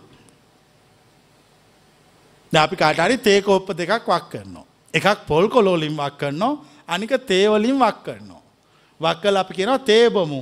පාට එකමයි. හැබැයි එකක පොල් කොළ වලින් වක් කරපු තේ අනික තේ. එතකොට හැමෝම ගන්නෙ මොන තේ කෝප්පෙද? ඈ තේ වලින් වක් කරපු එක. තේවලි වක් කරපු එක. නික්කමටුවත් පොල් කොල එක බීල බලන්න. ඒ වනාට පොල් කොලත් බොන්න පුළුවන්. දැන්ව අපි පාරවල්ල යනකොට කඩවල්ල යනකොට තේ කියල බොන්නේ පොල් කොල්ල. කිසි ප්‍රශ්නය නැතුව බොනවන සීනි දාලා දුන්නාම දන්නේන. දෙ මේ කියපු නිසාන මේ ප්‍රශ්නය. එතවට බලන්න අපි කොච්චර ලොක මුලාවකට අහු වෙලද මේ ලෝක ඉන්න කියලා මට මට තියෙන ප්‍රශ්නයක කොච්චර ලොක මුලාවක දන්න. ඒ මුලාව කියනකන් දන්නේ. කිව පස්තම දන්න. එතකොට අපි ඊට කලින් එක පරිහරණය කොන්න කිව් හම ඇත්ත දෙනක ඔන්න ඇකල එතිනිදල නවත්තනවා. මං කියන්න මේ තියෙන දේත් එක්ක ජීවත් වෙන්න ගහම ජීවිතය තුළ මුලාව වැඩී කියලා කොබලන එක පැහැදිල ඇතුසන්. ජීවිතයේ මුලාව වැඩි. මොම තියනදේ. මුලාවට මුලා වෙන ප්‍රමාණයක් වැඩි. කොබලන එක පැහැදිලියයි. මුලා වෙන ප්‍රමාණයක් වැඩි අපි හැමෝට මුලා වෙන. අහුවෙනවා කියල අහුවෙනවා. එක එක්කෙන අපිව එක එක්කෙනගේ ප්‍රෝගෑම්වලට ගෙනියනවා. එක එක්කෙන නිසා අපේ ජීවිතය විනාස වෙන නාස්ති වෙනවා. අපරාදේ. වයස යන අන්තිමට වෙන ඔක්කොගෙම වයස යන එක. කාලයක් ගීල කල්පනා කරල බැලුව හම තේරෙනවා. අර නිසා අවුරුදු පහයි මෙයා නිසා පහළොවයි මේ ගොලු නිසා විසි පහයි අන්තිමට මං නිසා මුකුත් නෑ. ඒ අර තියෙන දේහොයන්න ගියාමෙන එක. දැන් ඕන දේ හොයන කෙන කල්පනා කොන්න මං අරයාට පහක් දෙන්නෙත් නෑ මෙයාට දායත් දෙන්නෙන්න අරයට විසි පහත් දෙන්නෙන්න මං ඔක්කොම ටිකතු කොල්ල මහවරහනත් දාලා එක මං බැත්තර දාගන්න මම හොයන්න ඕනදේ මං හොයලිවර කොන්න. මතක තියාගන්න තියෙන දේ හොයන එක ලේසි. මේකැන මේ සම්මත කරපු සිිස්ටම් එකේ මේ සම්මත කරපු ක්‍රමයට ජීවත්තන එක ලේසි. හැබැයි තමුන්ට ඕන දේ හොයාගෙන යන ලොකු අයියක් තියෙන්ට ඕන. ලොකු ආත්ම විශ්වාසයක් තියෙන්ට ඕන. ඒවගේම ලොකු කැපකිරීමක් කරන්න ඕන. හැම කැපකිරීමම කරන්න ඕන. ඒ හැම කැපකිරීමම කොළොත් ආය කැප කරන්න දෙයක් නෑ කියලා තේරුණොත් අන්න එදාට ඕන දේ ලැබෙනවා. ඊළඟට ප්‍රශ්නයක් තියෙනවා. තියෙන දේන හෙව්ව හැමදාම ඕන දේ හොයන්න හැම කැපකිරීමම කරන්න ඕනනේ ඔබ හැම කැපකිරීමක්ම කරලද කියලා ඕන දේ දෙන්න කලින් ඔබව පරීක්ෂා කරනවා. කොබලන එක පැහැදිලි අය. ඔබ සියලු කැපකිරීම් කරලද කියලා ඕන දේ දෙන්න කලින් මොහොතකට කලින් පරීක්ෂා කරන. මොකක් හරි කැපකිරීමක් කරගන්න බැරිනම්. මොකක් හරි දෙයක් අත්තරින්න බැරිනම්. මොකක් හරි දෙකට කෑතරකමක් තියෙනම් එයාට ආය දෙන්න තියෙනදේ. ඕන දෙ හම් වෙන්නේ. ඕන දේ හම්බෙන් ඕන කෙන සියල්ල අතහරන්න ඕන. ඕන දේ හම්බෙන් ඕන කෙනා තමාගේ සිත නැමැති ගෙම්බා මරලදාන්න ඕන. මෙ සිත නිසා තමයි මේ සියලු පෙළඹවීම් පවතින්නේ. සිත නිසා තමයි මේ සියලු දිවිල්ල පවතින්නේ. සිත නිසා තමයි මේ අසහනය පවතින්නේ. සිත නිසා තමයි මේ ගිනිගොඩ පවතින්නේ. මේ ගිනිගොඩ සදා කාලිකව නිවන්න කැමති ඕ නෑම කෙනෙක් සිටි නම්. ඔවුන් ඥානවන්තව තමාගේ සිත නැමැති ගින්න තේරුම් අරගෙන එය විනාස කළ යුතුයි. එය පාගා දැමිය යුතුයි. එය නැති කළ යුතු. එය ඝාතනය කළ යුතුයි. කිසි දවසක කිසි කෙනෙකුට නිවන් දකින්න බෑ තමාගේ සිත නැමැති ගෙම්බ මරන්න බයන. කවුරරි කෙනෙක් තමාගේ සිත නැමැති ගෙම්බා මරලදානෝ. සිත නැමති ගෙම්බ මරලා දැම්මා මෙයා සාපේක්ෂයෙන් නිදහස්. ඒ සාපේක්ෂයෙන් නිදහස් වෙච්ච උත්තමයාට බය ඇතිවන්නේ නෑ. රෝමෝද්ගමනයක් වෙන්නේ නෑ රෝමෝද්ගමනයක් වෙනවා කැන්මකක්ද. ලෝම කෙලින් වෙනවා. ඒ සිත නැමැති ගෙම්බා මරපු කෙනාට රෝමෝද්ගමනය වෙන්නේ නෑ. ඒ වගේම සිත නැමැති ගෙම්බා මරපු කෙනා බයවන්නේ නෑ. තැතිගන්නේ නෑ. පලායන්නේ නෑ. අබීරු අච්චම්හි අනුත්‍රාසි අපලායිති. මොකෙතියෙන් දදග්ග පිරිතේ. අභීරු අච්චම්හි අනුත්‍රාසි අපලායිති. බියවන්නේ නෑ තැතිගන්නේ නෑ පලායන්නේ නෑ. ඒ වනාට සක්දවිඳු බිහිරුච්චම්ම උත්‍රාසි පලායිති. ඒ වනාට සක්‍රයා බියවෙනවා තැතිගන්නවා පලා යනවා. ඒ වනාට බුදුන් තතාගතයෝ අභීරු අච්චම්මි අනුත්‍රාසි අපලායිති. බියවන්නේ නෑ තැතිගන්නේ නෑ පලායන්නේ නෑ. ඇයිඒ තමාගේ සිත විනාශ කරපු නිසා. සක්දවිඳු සිත විනාශ කල්ල නැති නිසා බිය වෙනවා තැතිගන්නවා පලායනවා. රෝමෝද්ගමනය වෙනවා. දැංගෝගොල තීරණය කරන්න සක්දවිඳු වෙනවද බුදුන් වෙනවද කියලා. ඒකට කරන්න එක කරන විදිිය මං කියල දුන්න. සිත නැති කරන්න තියෙන්. සිත විනාශ කරන්න තියෙන්. සිත කියන ගෙම්බා හරි කැමතිී පවතින්න. ඒ පැවතීම තුළ ජාති ජරා ව්‍යාදී මරණ සසර මේක කුණුගොඩ කකා යන්න. අපි කැමති නෑකට අපට ඕන මේක නවත්තන්න එතකට අපි මේ ගෙම්බ ඇදල මෙතනින් තියනවා තියල ටිකෙල්ලාගින් ගෙම්බා අරකට පනිනවා. එනිසා අපි මේක මෙහෙම දානවා ගන්නවා මොහොම යනකොට මේක කරදර නිසා ගැම්බ මරනවා. මං ප්‍රශ්නයක් අහනෝ ගෙම්බ මරන්නේ ටයිල්ලෙ උඩ තියලාද ගෙම්බ මරන්නේ වැලිගොඩේ තියලද කියලා. මොකක්කොට තියලද ගෙම්බ මරන්න. වැලි ගොඩේ ගෙම්බ මරන්න යන්න එපා. කවදාකත් මැරෙන්නෑ ගෙම්බා ඌ හැන්ගෙන ඔය කස්සේ. මොකද ඒ වැලිගොඩ හදල තියෙන උට හැන්ගෙන පුළුවන්වෙන්න. ඒ ලෞකික ජීවිතය හදල තියෙන සිත මරන්න නෙමේ සිත පවතින්න කොබල එක පැහැදිලි අය. මේ ලෞකික ක්‍රමය තියෙන සිත පවතින්න තියෙන්නේ එක තුළ. ලෝකෝත්තර ආර්ය විනය දේශනා කරන්නේ සිත මරන්න. එනිසා මතක තියාගනිල්ලා ගෙම්බ මරණවන්න ටයිල්ලෙකුඩද අරෙන්න්න වෙන කිසි තැනකද මරන්න යන්න එපා. ඌ මැරෙන්නේ නෑ. දෙමං ඔබෙන් ප්‍රශ්නයක් අහනු. සිත මරපු කෙනෙක් මොනවාගේද. හරම දරුණුයි. ඇයි හදපතුල නෑ එහෙම ගන්නෑ. කිසිම හැඟීමක් දැනීමක් එහෙම එකුත් නෑ. කොහොමත් තියෙන එකක් තමයි තියෙන්නේ. දැන් ආය ප්‍රශ්නයක් ඔගොල්ලන්ට එනවා. අපට දැම් මේ තියෙන එක ඒ කොහොමත් තියෙන එක ඇතරින් වඩා හොඳ මොකක්ද. කද්ද දැන් ඔය තමුන්ට තියෙන එක තේරෙනවානේ. සිත මරපු කෙනාට කොහොමත් තියෙන එකක් නෙ තියෙන්නේ. ඒ දෙකෙන් වඩා හොඳ මොකක්ද. කොහොමත් තියෙන එකද සිත මරපු කෙනාට තියෙන එකද. ඒක තමුන් තීරණය කරන්න ඕන. සිත මරපු කෙනාට තියෙන එක හොඳයි කියලා සිත මරපු අය කියනවා. කවුද කියන්නේ සිත මරපු අය එක කියනවා. ඒගොල සිත මරන්න කලින් තිවිච්චක හොඳ නෑ කියල ඒකල දැනගරත මේක හොඳයි කියන කබල එක එක තේරිච්ච මේ දෙක සාපේක්ෂ කළ බල්ලගෙන මේක හොඳයිනේ අරකට වඩා. එදකොට දැ සිත මරපු නැති කෙනා ඒ වචනය පිළිගත යුතුයි. විශ්වාස කළ යුතුයි ඇදහිය යුතුයි. ඒ විශ්වාස කළ අදහලා සිත මරපු කෙනා කියපු වචනය පිළි අරගෙන. කොහොමත් තියෙන එක නෙමෙයි කොහොමත් තියෙන තියෙන එක හොයාගෙන පැමිණෙන යුතුයි. නැත්තං ඔය තියෙන එක තමතිය. ඔය තියෙන එක තුළ අසහනය වේදනාව කඳුළු දුක පවතිනවා. සිත මරපු කෙනෙක්කුගේ ස්වභාවය තුළ මනෝභාවය තුළ එවැනි කිසිවක් නෑ. එවැනි කිසි බන්ධනයක් නෑ. හට ගැනීමක් නෑ. පැවත්මක් නෑ. සාපේක්ෂක නෑ. සාපේක්ෂක නෑ. දෙ අපි දන්නෝ ගුවන් මිදුලි තරංගයක් මෙහෙම රේඩියෝ එක ටිවුන් කරන්නකොට සද්‍ය ඇහෙන්නේ ඒ තරන්ගෙ දිගට තියෙන නිසා. ලෞකික මනුස්සයක සිතේ වගේ. ආර්යන් වහන්සේ කෙනෙකුගේ සිත පිටසක්වලින් එන ගුවන් විදුලි තරංගයක් වගේ පහුගේ දවසක පිටසක්වලින් ගුවන් විදුලි තරංගයක් ඇවිල්ලා තියෙනවා පෘථිවියට. කොබලන එක අහපුවයි. පිටසක්වලින් එන ගුවන් විදුලි තරංග කෙටි තරංග. කියන්නේ කෙටි තරංග කෑලි තියෙන. ආර්යයන් වහන්සේ කෙනෙකුගේ සිත සිතුවිලි හා ක්‍රියාකාරකම් ඔක්කොම කෙටි ඒවා.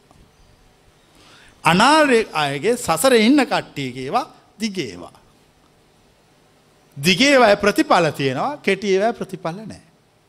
දැන් ඕගොල කොහොම හරි කරගන්න ඕන මේ සිත තුළ පවතින දිග පැවැත්ම දිග පැවැත්මත්ය මේ කෙටි කරගන්න ඕන.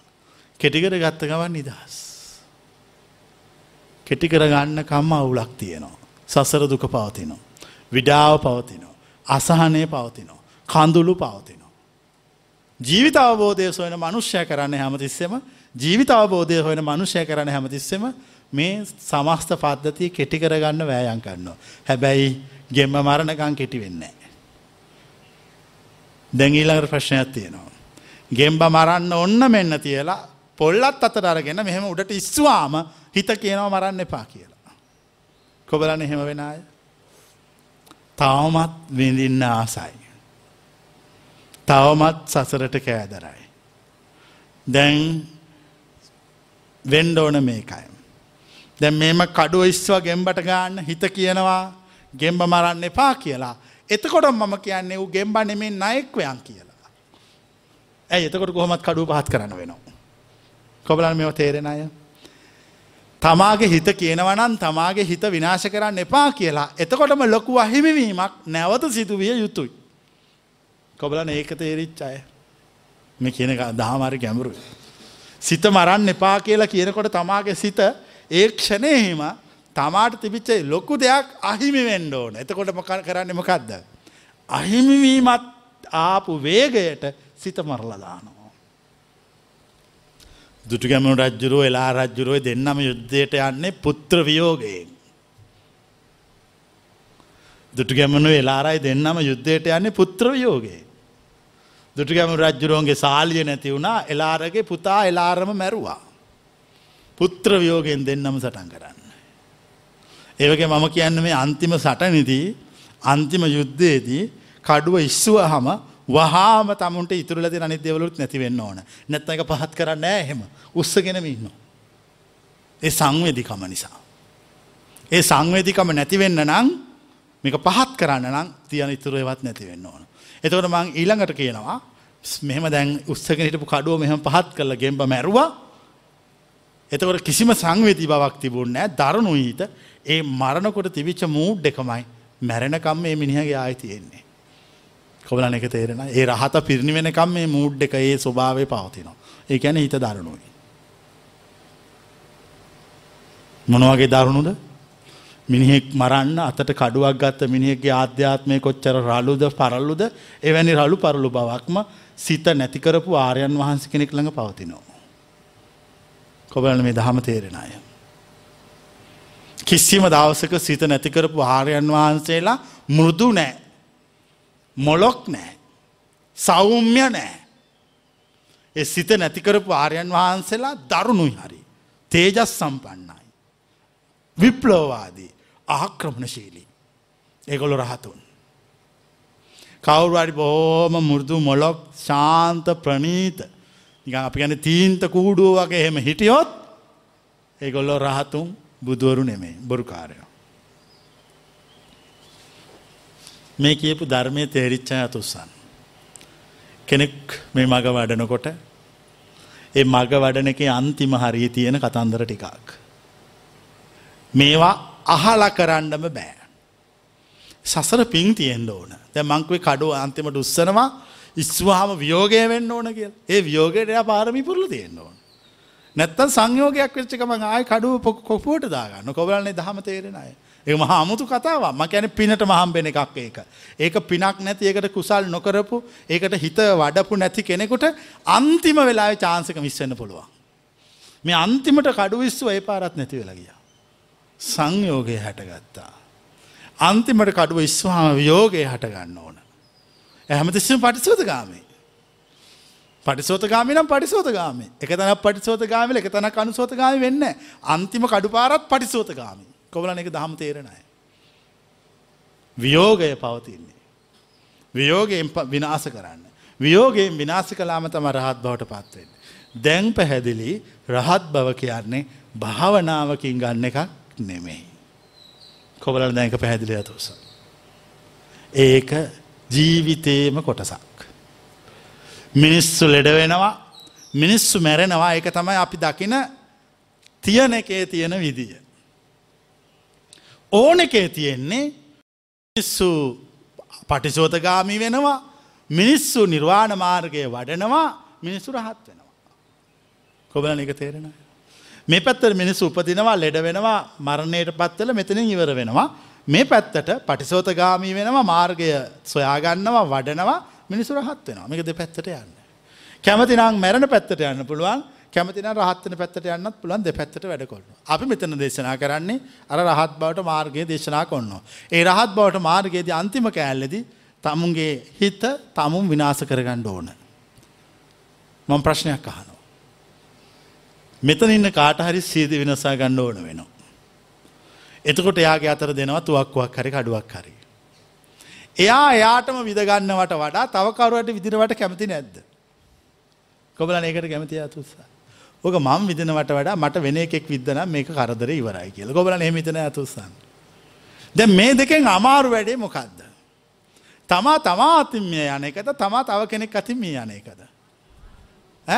අමාරු වැඩේ ඔව එනිසා තමයි ආර්ය විනේ තියන්නේ තමාව තමාතින් මැරෙන්න කියලා. තමාගේ ගෙම්බා තමාම මරන්න කියනවා.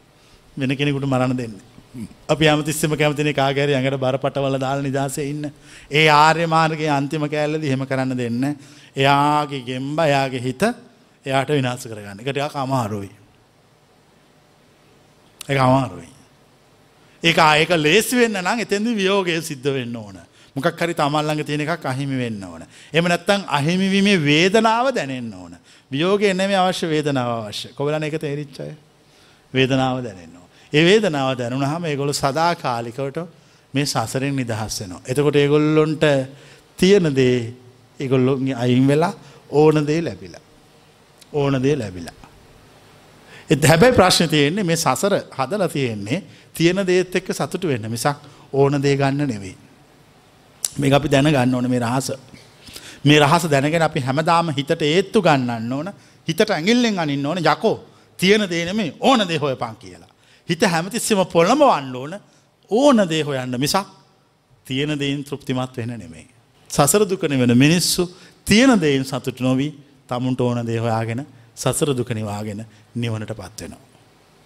ආසරයි ස්වාමීන් වහන්ස ඔය මීට අවුරුදු ගානකට ඉස්සෙල්ලා සාපේක්ෂ දත් අතර හිරවෙන කාලයක මට චූටි සර්ප පැටියෙක් හම්බුණා.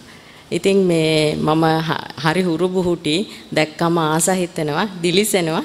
ඉතින් ඔය සර්ප පැටියා මම මේ හිතුවා මම ගෙදර ගෙනියන්න ඕනේ කියලා. හැමෝම කිව්වා ඕක ණයෙක් කියලා.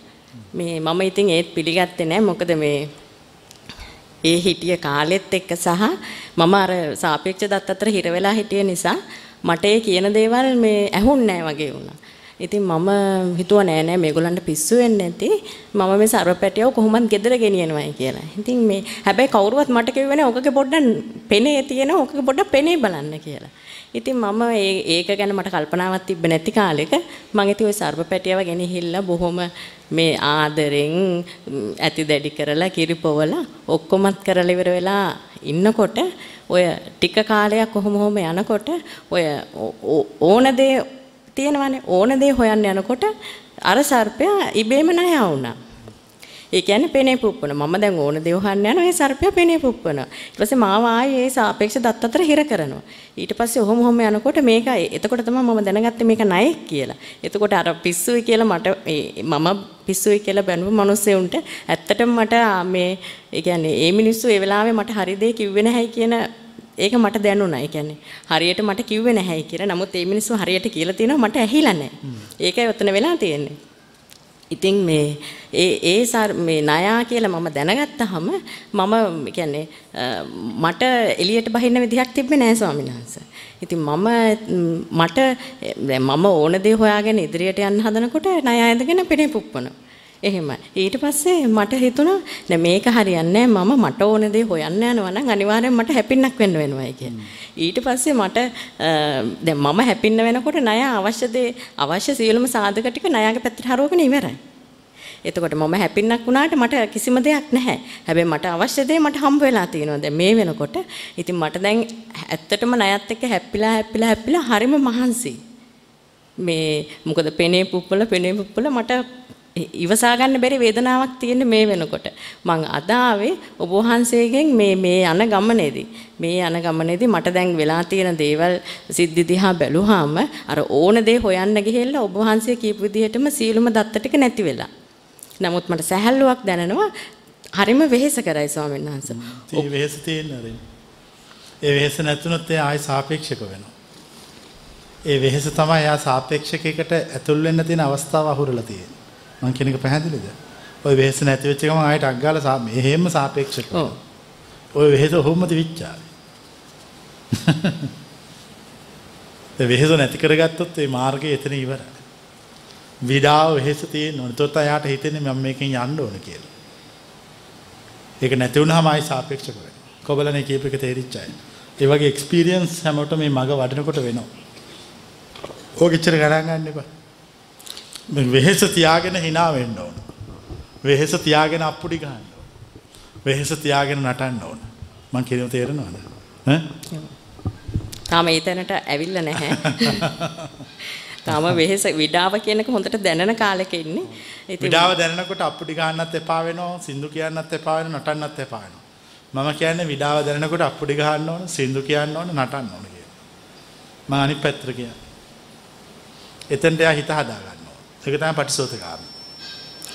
මොකද මේ දැන් භෞතික සම්පත් දැන් ඒ ණය නොදැනුවත්වම භෞතික සම්පත් සෑහෙන සෑහෙන මගෙන් දුරස් කරලා ඉවරයි. ඒ වෙනකොට ඉතින් මට ප්‍රශ්නයක් නැහැ ඒව නැති උනායි ඔය කියලා. ඒ භෞතික සම්පත් තමුන්ගෙන් දුරස් වෙන්න ඕන. තමුන් භෞතික සම්පත් වලින් දුරස් වෙන්න ඕන. භෞතික සම්පත් තමන්ගෙන් දුරස් වෙන්නත් ඕන. ඒවට වටිනකම් තියාගෙන ගියොත් කවදාකවත් තමුන්ට ඕන දේ තමුන්ට හම්බ වෙන්නේ නැහැ. තියෙන දේවල් එක්ක ඉඳලා මැරිලා ආයෙ එකටම එකතු වෙනවා. දැන් මේ ක්‍රමේ වෙනස් කරන්න නම් හොඳ ඉස්සෙල්ලා චින්තනය වෙනස් කරගෙන හිතහාය කරගෙන අලුත් විෂන් එකකින් පටන් ගන්න ඕනේ. ඒ කියන්නේ එයා අලුතෙන්ම ඉපදුනා වගේ කියලා හිතලා යන්න ඕනේ. එයා අලුතෙන්ම මැරිලා අලුතෙන්ම ඉපදිලා. එයාගේ ජීවිතේ වෙනස්. ඒක තමයි මේ ධර්ම අවබෝධ කළා කියන්නේ. අලුත් උනා. එවන තෝ කවදාකවත් ඒ ඒ අපට ඕන දේ අපට හොයන්න හම්බ වෙන්නේ නැහැ. හැමදාම මුලාවක ජීවත් වෙනවා. දැන් මුලාවෙන් ගලවන්නනේ හදන්නේ. තාම නැතිනේ. මට ඇත්තටම අද මං ආවේ මට මේ වෙහෙසකාරී ජීවිතෙන් පොඩ්ඩක් හරි සාහනයක් ගන්න මට ඔබ වහන්සේගේ ආශිර්වාදය ඕනේ. මොකද මේ මම ඉල්ලන්නේ නොපෙනෙන දෙවියන්ගෙන් නෙමෙයි ජීවමාන බුදුන්ගෙන්. ඉතින් ඇත්තටම මට දැන් මගේ මට මට හිතෙනවා වෙලාවකට මගේ පිත්ත හයිය මදිද කියලා මේ එන බෝල වලට පහර දෙන්න. ඒක තමයි ප්‍රශ්නේ තියෙන්නේ. එච්චරයි. ඒක තමයි ප්‍රශ්නේ. හිතහයියමදි ප්‍රශ්නයක් තියෙන්නේ. මේ ප්‍රශ්න දරාගෙන ඉස්සරහට යන ආත්ම ශක්තිය නැති ප්‍රශ්නයක් තියෙන්නේ. ස්ත්‍රී කොහොමත් අ, හරි ඉක්මනට බැඳීම් හදා ගන්න. ඒ නිසා හිත දුර්වලයි. ස්ත්‍රියගේ හිත දුර්වල නැහැ. ඉක්මනට බැඳීම් හදා ගන්න නිසා හිත දුර්වලයි. කොබලන එක තේරිච්ච අය. ඒ නිසා හිත දුර්වලයි. ඉස්සරාවේ බම්පෙන් බෝල දැන් එන්නේ කෙලින්ම යකඩ බෝල. කිසි අවුලක් නැහැ. ඒ එන්නේත් බෝලම තමයි. ඒක විතරයි පොඩ්ඩක් වෙනස්. ඒව ගණන් ගන්න අරක කිසි දෙයකට. පැහැදිලිද? පැහැදිලි. ඒ හිත හයියමදි ප්‍රශ්නයක් තියෙන්නේ. ජීවිතේ විඳවලා මදි. ජීවිතේ හැප්පිලා මදි. කඩා වැටිලා මදි. එතකොට තමයි ගෙම්ම මරන්න හිතෙන්නේ. ඒ වන මූණ දෙන්න ඕන. ඔය වැඩි ගණන් ගන්න ඕනේ නැහැ. ඔව්. තවම නැති. මට අහන්න ඕනේ ඇයි ඔබ වහන්සේ ඉදිරියට ආවහම දැන් මම දවස් 3ක් විතර ඔබ වහන්සේ ඉදිරියට ආවම සමහරක් දවස් වලට මගේ හිත හිස්සෙනවා. මට කතා කරන්න දේවල් නැහැ වගේ දැනෙනවා. එහෙම වෙන්නේ ඇයි කියලා මට දැනගන්න ඕනේ. ඒ තමයි මං කියන තැන. තේරුණා? ඔව්. ඒ දැනෙන එක තමයි මං ඉන්න තැන. එහෙම වෙන්නේ ඇයිද කියලා අහලා වැඩක් නැහැ. වෙන්නේ එහෙමයි. මං කියන තැන තමයි. දැන් එතන මොන වගේද? ඔව්. ඔහොම ඇවිල්ලා එහෙම වෙනවා ඈ පැහැදිලිද? ඒ ඒ කියන තැන තමයි. එක. එතෙන්ට කොහොම හරි යා ඒ ඒ තියෙන එක හොඳ නැද්ද? ඒක. ඒකට යන්න හරි. ඒක ඈ? ඒ විනාඩි ගානකට හරි හරි. ඉතින් ඒක තමයි අපි පැය 24 ෙම ඉන්නේ. ඒ ඒ මූඩ් එකේ. ඒක තමයි අපිට තියෙන එක. ඒ අපි අර තියෙන එක හොයපු හොයන්නේ නැතුව ඕන එක හොයපු නිසා. පැහැදිලිද? පැහැදිලි. දැන් තියෙන එක හොය හොය හිටියා නම් එතකොට මාත් මේ විදිහට කවුරු හරි සත්‍ය අවබෝධ කෙනෙක් කෙනෙක් ඉස්සරහට ගිහලා මාත් මෙහෙම කියනවා. මට දැක්කහම හිස්සනවා මට ඒතර පහසුවක් ඇති වෙනවා කියලා. ඒතකොට එයා අපට කියනවා මම තියෙන එක හෙව්වේ නෑ මම ඕන එක හෙව්වා කියලා. එතකොට එයා ඒ අහන කෙනාට හිතනවා මාත් එහෙනම් තියෙන එක නෙමෙයි ඕන එක හොයන්න ඕන කියලා. ඒතර ඕන එක හොයන එක ලේසි නෑ අමාරුයි අර බෝල වලට ගහන්න ඕන පෙරලන්න ඕන හිත හයිය කරගන්න. එතකොට අර වගේ ඒගොල්ලෝ හිස් වෙලා යනවා. හිස් වුණාම ප්‍රශ්න ඉවරයි. පිරලා තියෙනකම් ප්‍රශ්න තියෙනවා. ඒක තේරෙනවද? ඈ කිසිම ප්‍රශ්නයක් නැහැ. ඔය කියන එක දන්න අය ළඟ. ඒගොල්ලෝ සියල්ලෙන් හිස් වෙලා නිදහස්ව සිටිනවා. හරියට මේ බ්ලැක් හෝල් එකක් ළඟට. ඈ ඔක්කොම ඇදලා ගන්න. තේරෙනවද කියන එක? කියන්නේ කතා කරන්නවත් මුකුත් දෙයක් නැහැ. හරි බ්ලැක් හෝල් එකක් ළඟට ගියා වගේ තියෙන සිතුවිලි ටික ඔක්කොම ඇදලා ගන්නවා. දැන් ඒතර එයා ඇදලාගෙන මම ඩවුන්ලෝඩ් කරගන්නවද මට පිස්සුවක් නැහැ අනුන්ගේ ප්‍රශ්න ඩවුන්ලෝඩ් කරගන්න. මම දන්නේ කොහේ යනවද කියලා. යන තැන හොයන්න මට ඕනත් නැහැ. මම මොකද අරයාගේ මේ කුණු ගොඩවල් හොයන්නේ. ඒක තමයි ඒක තමයි ඒක කොච්චර ඒකට මේ කට්ටියගේ තියෙන කුණු කොච්චර දැම්මත් ඒක අපිරිසිදු වෙන්නේත් නැහැ. කොහොමද ඒ තියෙන එක? ඒක ඒක අපිරිසිදු වෙන්නේ නැහැ කවදාකවත්. ඒකට කොච්චර දේවල් දැම්මත් ඒකට කිසි ප්‍රශ්නයක් වෙන්නේ. ඒ ඒ දැනන එකටපත් වෙන්න වෑයම් කරන්න ඕන. මුකුත් කරන්න දෙයක් නැහැ. ඔය කියන ටික අහලා නිදහසේ වඩන්න ඕන. ක- කවුරු හරි කෙනෙක් තා- කියන්නේ මම කියන්නේ බුදුරු දැක්කහම මිනිස්සුගේ හිත හිස් වෙලා යනවා. ඒතර තමයි මොටිවේෂන් එක ඇති වෙන්නේ. මම මේ මොකද්ද මට උනේ? මම මේකේ හොයන්න ඕන කියලා මේකේ ඇත්ත කතාව. ඒ හොයනකොට ඒගොල්ලෝ සත්‍ය සොයා ගන්නවා. ඒක අමාරුවෙන් හොයන්න ඕන. ලේසි නෑ හොයන්න. ඒක ලේසි නෑ අමාරුයි. ස්වාමීන් වහන්සේ මට අවසරයි අ, මම තව ටිකක් ඉදිරි ක- එකතු කරන්න කලින් ස්වාමීන් වහන්සේ කිව්වේ මේ ළමයෙකුට දෙමාපිය ළමයෙක් හයියෙන් දෙමාපියෙකුට ළමයෙක් ඉපදුනාම ඔව්. ළමයාට ආදරය කරන්න දෙමාපියන්ට වඩා එතකොට ඒ ළමයාට තව ළමයෙක් ඉපදුනාම තව ඒ අපි තව ආදරය කරන අර අර ළමයා අතහැරලා අර මගේ ළමයාට ඉපදිච්ච ළමයාට හ්ම්. ඒකනේ මටත් උනේ 100 පස්සෙන් ගියේ මම මේ මෙහෙම ඉස්සරහට සසර පවතින. ඔව් මමත් එහෙමයි දැන් සානස් කියන්නේ තේරෙයි ඔක්කොම අතාරින්න කියලා. ඒක නොබැඳේ ඉන්න කියලා. කියන්නේ ඒක අපි තේරුම් ගන්නවා. මේ අපේ සිස්ටම් එක හැදිලා තියෙන්නේ මෙහෙම යන්න. යන්න. ඒක අපි දන්නවා. මෙහෙම තමයි යන්නේ. මෙහි පැත්තට යන්නේ. ඒතර මේ පැත්තට යවුවොත් ඒ පැත්තට යවුවොත් යන්නේ නැහැ ඒ පැත්තට. එතකොට අපි හිත ඒ පැත්තටත් යවලා බලනවා. මේ පැත්තටත් යවලා බලනවා. හිත දෙපැත්තටම යවුවයින් පස්සේ කිසිම විශේෂයක් දෙපැත්තෙම නැති වෙනවා. මම කියන එක පැහැදිලිව. අන්න එතෙන්ටපත් වෙන්න ඕනේ. එතකොට දැන් අපි යාගේ යුතුයකම් ඉෂ්ට කරන්න ඕනේ. එච්චර යුතුයකම් ඉෂ්ට කරන අවශ්‍ය දේ කළා දෙනවා. යා පිළිබඳ බැඳීමක් නැහැ. බැඳීම ඔබට විඩාව ඇති කරනවා. එහෙම අනිත් එක දැන් අපි යම් කි ඕන දේ කරන්න කිව්වනේ. ඔව්. එතකොට ඕන දේ තමයි මම නිතරම කළේ. හැබැයි කාටවත් නොකිය. ඔව්. කියන්න ඕනේ නැහැ. සිතට අවශ්‍ය දේ යොදා ගන්නවා. ඔව්. ඒකට මම නොඑක් දේවල් බලාපොරොත්තු වෙන ඉන්නවා. මම එක දෙයක් කළා අවුරුදු 7 වශයෙන්ම 14 විතර පටන් ගත්තේ හිතට දාලා මම අවුරුදු 40 විතර එනකොට ඒක බුද්ධි වින්දා. ඒ කියන්නේ මේ කිසිම වියදම නැතුව ලෝකේ සංචාරයක් යන. ඒක කිසිම කෙනෙකුට කිව්වේ නෑ යන්න පුළුවන් වුණා. එතකොට ඒක ඒතර ඕන දෙයක් කළේ හිතට යො- මම අද තමයි කිව් ප්‍රකාශ කරේ ඔබ වහන්සේ ඉස්සරහා නැත්නම් අමර දාතර කියලා නෑ. ඒ කියන්නේ ඒ වගේ හිතට නොඑක් නොඑක් දේවල් දාලා මම කරලා තියෙනවා. ඉෂ්ට කරලා තියෙනවා. එතකොට ස්වාමීන් කියන්නේ ඒව නවත්තන්න කියලාද? නෑ ඒ ඒ මොන දේ කළත් කමන්නේ කිසි දෙයකට බැඳෙන්න එපා කියලා කියනවා. බැඳුනොත් අවුලක් තියෙනවා. ජීවිතේ වෙනස් කරන්න එපා. හිතන විදිය විතරක් වෙනස් කරන්න. කොබලන් ඒක තේරිච්චයි. අපි කාටවත් ජීවිතේ වෙනස් කරන්න කියන්නේ මෙතන ඉන්න කාටවත්. හිතන විදිය වෙනස් කරන්න කියලා කියනවා. එතකොට ඒව ලෞකිකද ස්වාමීන් ඒ වහන්සේ? ඒ සි- සියල්ල ලෞකිකයි. සියල්ල ලෞකික. සියල්ල ලෞකිකයි. ඒ ලෞකිකයි කියලා නවත්තන්න ඕනේ නෑ ඒවා. ඒ ඒ- නැවැත්තුවොත් වැරදීනේ. ඒතකොට ලෞකිකත්වයට එයා බය වෙලානේ. ඒවා ඒවා ඔක්කොම කරනවා. හැබැයි ඒවා හොඳට දකින්න ඒවා ගැන. මේ මේකයි. මේ මේකයි. මේ මේකයි. ඒක තමාගේ සිත ගවේෂණය. ඒව කරන අතරේ ගවේෂණය කරනවා. එහෙම. ඒතර ඒ ආස්තර තමයි නිවන හේවෙ. මේ වැන් ඔව්, තෘප්තියන් හරි.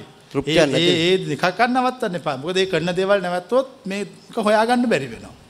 ඒ තෘප්- තෘප්තියක් නැහැනේ කොච්චර කරත්. හැමදේම තෘප්තියෙන් අන්නේ තෘප්තිය නැති බව තේරුම් ගන්නවා. එහෙමයි. පැහැදිලිද? ඔව් භාවනා කරත් තෘප්තියක් නැහැ. ඔව් ඉතින් භාවනා කරලා නිවන් දකින්න බෑනේ කොහොමද? ඔව් ඉතින් ගිහිලා තායිලන්ත ගිහින් මහනෙලා හිටියත් තෘප්තියක් නැහැ. නෑ නෑ නෑ කිසිදෙකින් නෑ. ඒ ඊට වඩා මේ නිදහසේ මේ තමා පිළිබඳ ගවේෂණය කිරීමමයි මාර්ගය. අර දේවල් ටික කළා තමා ගැන හොයනවා. ඒක කරන්න බැරිද? ඒක කරන්න පුළුවන්. එච්චරයි. එතකොට අපේ යුතුයකම් අනිත් අය ඉෂ්ට කරගෙන යන්න. යුතුයකම් ඉෂ්ට කරන එච්චරයි. දැන් ඔතන යුතුයකම් ඉෂ්ට කරන්න කියලා ඒගොල්ලෝ ඉෂ්ට කරන්නේ බැඳීම් වලට ගැලපෙන විදියට. එතනින් තමයි අවුල් කරගන්නේ. එතකොට සාන දැන් ඒවා උෂ්ට කරන එකෙන් අපිට යම්කිසි හිතරේ සහනයක් ලැබෙනවනේ. ඒ හිතට සහනය ලැබෙනවා කියලා හිතලා යුතුයකම් ඉෂ්ට කරනවා. එතකොට ඉෂ්ට නොකර ඉන්නත් බෑනේ. ඉෂ්ට නොකර ඉන්නත් පුළුවන් ඕන. ඒත් කිසි ප්‍රශ්නයක් නැහැ. ඉෂ්ට කළත් ප්‍රශ්නයක් නැහැ. ඒ දෙකේම අවුලක් නැහැ. දෙකේම උලන්න. නැහැ. ඒ දෙකටම ඕන තැනක හිත තියලා තියන්න පුළුවන්. මෙතන මේ පැත්තේ තියන්නත් පුළුවන් මේ පැත්තේ තියන්නත් පුළුවන්. ඒකෙන් මොක කළා කියලා කිසි ප්‍රශ්නයක් නැහැ. ඒ හිත හයිය මදි එක්කන තමයි හැමතිස්සෙම යුතුයකම් ඉටු කරන්න බලන්නේ. ඒ වුණාට ඒ විශ්වාස ඉෂ්ට කරන්න ඉෂ්ට කරන්න දෙන්නේ නරක නිසා. ඉතින් ඒ බලාපොරොත්තුෙන් ඉෂ්ට කරන නිසා. ඒක තමයි තියෙන අවුල. මයින් ඒක දේවල් බලාපොරොත්තු තියාගෙන යුතුයකම් ඉෂ්ට කරනවා. දැන් අපි කාට හරි කන්න දෙනවා. අපි කරන්නේ මූණ බලන්නේ නැතුව කන්න දීලා එනවා. ඒක හොඳ නැද්ද? හොඳයි. ඉතින් වෙච්චරයි ප්‍රශ්නේ. ඔය දානයක් දෙන්න පුළුවන් ඒක ඒක- වෙච්චරයි මූණ බලන්නේ නැතුව කෑම දීලා එනවා. දැන් මූණ බැලුවෙන් පස්සේ ඒක මතක හිටිනවා. එහෙමයි. දැන් දානයක් දුන්නාම ඒ ගැන හිතන්නේ නැහැ බඩ පිරලේ වුණාට අපිට අන්තිමට. ඔය එච්චරයි එච්චරයි. ඒ ඔය හිතන විදිය අවුලක් තියෙන්නේ. ඒක මොකද තව කරන්නේ? අහන්න ගොඩක් දේශනා අහන්න. එහෙමයි. අහලා හිතන විදිය හොඳට කල්පනා කරලා වෙනස් කරනවා. මේ මගේ අවුලක්. මෙතන මම වෙනස් කරගන්නවා.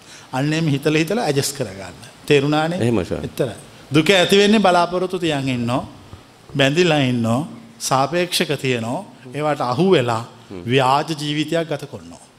එහෙමයි. ඒක ඇත්තටම දකින්න ඕන. දැකලා එකෙන් අයින් වෙන්න ඕන. ඒ කියන්නේ බැනුමයි අහන්නේ හොඳ. බැනුම් හරි අහන්න ඕන. දෙකම දෙකම හොඳ අහන්න ඕන කියලා විතරක් නෑ වැරදි. දෙකම අහන්න ඕන. හොඳ කරන්න බැනුම්. අහන එකමයි හොඳ. හොඳ කළා බැනුම් අහන එක තරම් හොඳ දෙයක් මට තවත් පේන්නේ ඉතින් හොඳ කරන නෑ. අයට එතකොට නිවනට යන්නේ ඒගොල්ලෝ. හොඳ කරන අයටමයි බනින්නේ. ඔව් ඉතින් කිසි ප්‍රශ්නයක් නෑ. එහෙම තමයි මේක හදලා තියෙන්නේ. ඒක නරක දැන් ඕන්තර අපිට නරක කරනවා කවුරුත් බනින්නේ ඔව් ඉතින් අපි බනින්න ඕනේ කියලා හිතන්නෙත් නෑ. නැහැ. එහෙම එකක් නෑ.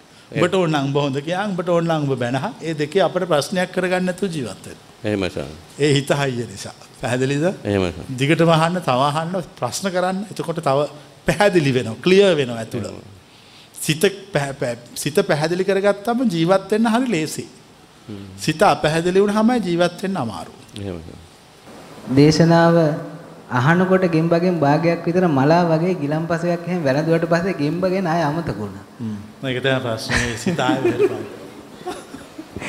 ඉතින් ඒ ඒක ඒ එහෙම වුණාම එහෙම වුණාම කරන්න ඕනේ ඒ තමුන්ගේ සිතෙහි පවතින ව්‍යාජ බව. බොරුවක් තියෙන සිත. ඒක තේරුම් ගන්න. මේ සිත මාව රවට්ටනවා. සිත මාව අන්දනවා. සිත මාව එක එක තැන්වල යාට ඕන විදිහට කරක් ගස්සනවා. අන්න ඒක තේරුම් ගන්න. එතකොට ඒ අයිතිකාරය හිතට අහු වෙන එක අඩු වෙනවා. කොබලන් ඒව තේරෙනවා. ඒක තමයි ගෙම මැරීම කියන්නේ. එයා අයිතිකාරය හිතට අහු වෙන එක අඩු වෙනවා. එතකොට දන්නවා හිතෙන් මොකක් හරි මෙහෙම සිතුවිල්ලක් කෙනෙකුට ආ මෙයා මෙවන්නේ මේකට තමයි. ඒ තමයි ගෙම්බ මැරීම. ඒගොල්ලෝ තමයි රහතුන්. එක කල්ලි වරුණාම රහත්. තව ඉස්සෙල්ලා කතා කරපු උපාසිකාව හැපින්නක් වෙලත් හිටියලු මං කල්පනා කරේ මං එහෙම හිටියනම් ෂුවර් එකටම ගෙම්බ කනවා. නෝ. කන්න පුළුවන්. ඒ වුණාට ගෙම්බ ජීර්ණ වෙන්නේ බඩ ඇතුලේ ඉන්නවා. ඉතින් බඩ ඇතුලේ ඉන්නවා. එයා එහෙම ලේසියෙන් අයින් කරන්න බෑ. මොකද එයා මේ සසරේ අපිත් එක්කම ආවා. අපිත් එක්කම ඉපදුනා. අපිත් එක්කම ගමන් කරනවා. අපට බලපෑම් කරනවා අපි යාට බලපෑම් කරනවා. ඒ නිසා අපි දෙගොල්ලෝ අතර රිලේෂන්ෂිප් එක සම්බන්ධතාවය. මං කියන්නේ ඒකට මියුචුවල් රිලේෂන්ෂිප් අන්‍යෝන්‍ය සම්බන්ධතාවය. පවත්වගෙන අපි සසරේ ඉන්නවා. කාත් එක්කද? අපේ සිතත් එක්ක. මියුචුවල් රිලේෂන්ෂිප් එක. අන්‍යෝන්‍ය සම්බන්ධතාවයක් අපි සිතත් එක්ක පවත්වනවා. අපි වැළපෙනකොට සිත අපිව නලවනවා. කොබලන්න මේව තේරෙන අය. අපි අඬනකොට සිත අපිව නලවනවා. අපි සතුටු වෙනකොට සිත අපිට වැළපෙන්න කියනවා. මෙතන මට පේන්නේ මේ සසර කියන්නේ ඒක මියුචුවල් රිලේෂන්ෂිප් අන්‍යෝන්‍ය සම්බන්ධතාවයක් පවතින. කඩන්න බැරි එක. ඒ බැඳිලා පවතිනවා. අපි සිතයි මෙහෙම බැඳිලා තියෙනවා. මේක තියෙනකන් සසර තියෙනවා. මං කියන්නේ මේ සිත ගෙම්බ මරන්න කියලා. එතකොට එයා නිදහස් වෙලා නිවනටපත් වෙනවා. ඔව්. භාග්‍යතුන් වහන්සේ නිතර සඳහන් කරන කාරණාවක් තමයි ගණන් ගන්න එපා. નિરાයාසයෙන් මේ වැඩේ වෙන්න දෙන්න කියලා. අනිවාර්යයෙන්ම. ඉතින් හරි ඒක තමයි ඒ විදිහට තමයි මෙච්චර කාලයක් ආවේ ඒ නිසා තමයි මෙතන ඉන්නේ. ඒක පිළිගන්නවා. හෘද සාක්ෂිය පිළිගන්නවා. මේක හරි. හැබැයි දැන් හදාරපු පොතපතින් ඒ ඒ අර එතන අස්සේ ඉන්නකොට අපිට මේ ලේසියෙන් අතාරින්න බැරි දෙයක් තමයි සතිපට්ඨාන දේශනාව කියන්නේ. ඕකෙත් තියෙනවා චන්දං ජනේති වායමති විරියං ආරභති මේ විදිහට කියනවා මේ මහා මොරාල් එකේ යන්න ඕනි ගමනක් මේක මේ මෙහෙම ලේසියෙන් කරන්න පුළුවන් වැඩක් නෙමෙයි කියලා දැන්. මේක ප්‍රැක්ටිකලි මම මම දන්නවා මේක තමයි වේග කියලා. හැබැයි මේ අරකෙත් එහෙම තියෙනවා ඉතින් ඕක අස්සේ ඕක අස්සේ ගැටෙනවා සමහර වෙලාවල් වල. පොතට ගිනි තියන්න ඕන. ඒ වුණාට දැන් අපේ පොතට ගිනි තියන්නකොට සම්ප්‍රදාය විරුද්ධ වෙනවා. සම්ප්‍රදාය සසරට ආවඩනවා. සම්ප්‍රදාය සසරට ආවඩනවා. ඔබ වහන්සේත් කියනවා චිත්තානුපස්සනාව වඩන්න කියලා. චිත්තානුපස්සනාව පිළිබඳව කරන විග්‍රහයේදීත් තියෙනවා චන්දං ජනේති වායමති. මේ කතන්දරේ තියෙනවා. ඔව් ඒ වුණාට පොතට ගිනි තියන්න ඕන. දැන් පොතට ගිනි තියන බය නිසා මං කියන එක ඒකයි කියලා පොත අතේ තියන් ඉන්නවා. මේ උන්වහන්සේ කියන එක තමයි මේ පොතේ තියෙන කියලා ගිනි තියනවා. ඒනට මම ළඟට වෙලා ටොක්කක් කරලාගෙන පොතට ගිනි තියපන් කියලා. පොතට ගිනි තිබ්බහම ප්‍රැක්ටිකල් නොලෙජ් එක ඉතුරු වෙනවා. පොත පත්තු වෙනවා. ඒක තේරෙනවද? එච්චරයි කරන්න ඕන. මිනිස්සු පොතට ගිනි තියන්න බයයි. පොතට ගිනි තියන්න බය නැහැ. පොතට ගිනි තිබ්බහම සාම්ප්‍රදායික පැවැත්ම තුල සම්ප්‍රදාය තුල යට පිළිගැනීමක් නැහැ. එච්චරයි තියෙන ප්‍රශ්නේ. සම්ප්‍රදායයට බයිනෝ. අන්න අන්න පේන්න අන්න යනවා. අන්න යනවා. අන්න ඉන්නවා. දැන් මට කියන්නේ අන්න අන්න යනවා. පොතට ගිනි තියලා. ඒ පොතට ගෙන තියපු නිසා තමයි අය අරහත් වුණා කියන්නේ. එච්චරයි. පොත් පිළිගන්නේ නැහැ. පොත් වලින් අයින් වෙලා ඒගොල්ලෝ ඇත්ත කතාව දන්නවා. ඒ ඇත්ත කතාව දැනගන්න බෑ පොත පිළිගන්නකම් කවදාකවත්. මොකද මේ පොතේම තියෙනවා පොතට ගිනි තියපන් කියලා. ඒ ටික අහුවෙලා නැහැ. අහුණා නම් මං කලින්ම ගිනි තියෙනවා. ගිනි තියනවා. ඒ කලින්ම ගිනි තිබ්බට වැඩක් නැහැ. ඊට පස්සේ ප්‍රැක්ටිස් කරන්න එකක් නැහැ. එතන ලොකු අවුලක් තියෙනවා. ඒ ආර්ය විනය පහළ වෙනකන් ඒ ප්‍රති කියන්නේ ප්‍රතිවේද සාසනය පහළ වෙනකන් මොනතරම් ප්‍රඥාවන්තෙක් ආවත් පොත ඔලුවට තියන් ඉන්න ඕන. හරියට ආණ්ඩුවේ කන්තෝරුවකට වැඩක් කරගන්න ගියා වගේ. මොන්න කවුරු ගියත් ඒගොල්ලෝ තේ බීලා කාලා ඕපදූප කතා කරලා ගේම් ගහලා ඉවර වෙනකන් ඉන්න ඕන අර මිනිහගේ වැඩේ කරලා දෙන්න. නැතුව වැඩ බෑ. පැදිලිනේ ද ප්‍රතිවේද ශාසනය පහළ වෙනවා ප්‍රතිවේද ශාසනය පහළන කියන්නේ පොතට ගෙන තීපක් කෙනෙක් පහළ වෙනවා. එයා ඒ කතන්දරේ දන්නවා අර ගෙම්බ මරණ කතාව දන්නවා. ඒක පහළ වුණාම පොතට ගෙන තිබ්බට ප්‍රශ්නයක් නැහැ. මොකද අරක තමයි පොත. ඒ කියන එක කළා මේක ඉවර කරන්න ඕන. ඒ සසර පුරුද්දත් දැන් අපි මෙතන කරන්න ඕනේ මේ දේශනාව ඇහුවෙන් පස්සේ හිත සසර පුරුද්ද තුල වැඩ කරන ආකාරය පිළිබඳව අපට පේන්න ඕන. ආ මේ තමයි විදිය. මේ තමයි දැන් ඔය දැන් අපි කාත් එක්ක හරි හිතවත් වෙනවා. සේ අපි ඇයි හිතවත් වෙන්නේ? අපි යාගේ මොනවද බලාපොරොත්තු වෙන්නේ? එයා අපට මොනවද ලබා දෙන්නේ? ওই දෙක නිරීක්ෂණය කරන්න හොඳට. ওই දෙක නිරීක්ෂණය කරාම කාත් එක්කවත් හිතවත් වෙන්න බෑ. ඇයි මේ බොරුව දන්නවා. මම මෙයාට මේ දේවල් දෙන නිසා මෙයා මාත් එක්ක කතා කරනවා. මම මෙයා එක්ක කතා කරනවා මෙයා මට මේ දේවල් ටික දෙන නිසා. එතකොට මෙතන පවතින්නේ mutual relationship එකක්. හිතවත්කමක්. එතකොට දැන් එක එක්කෙනාට ඉන්න යාළුවෝ කාලෙන් කාලේ වෙනස් වෙනවා. ඇයි? අවශ්‍යතා කාලෙන් කාලේ වෙනස් වෙන නිසා. එතකොට යාළුවෝ කියලා කවුරුවත් නැහැ. අවශ්‍යතා කියලා ඒවා විතරයි තියෙන්නේ. කොහොමද මේව තේරෙන්නේ? මේක සම්පූර්ණ බොරුවක්. මුලාවක් තියෙන.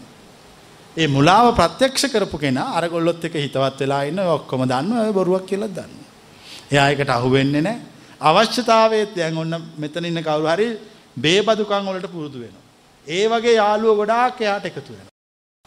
ඊට පස්සේ එයා දවසක් බොන ගමන් කියනවා මං හෙට ඉඳලා බොන්නේ නැහැ කියලා. එදා ඉඳලා උන් තරහයි. ඒතර අපිට තේරෙනවා මේක බොරුවක් තියෙන.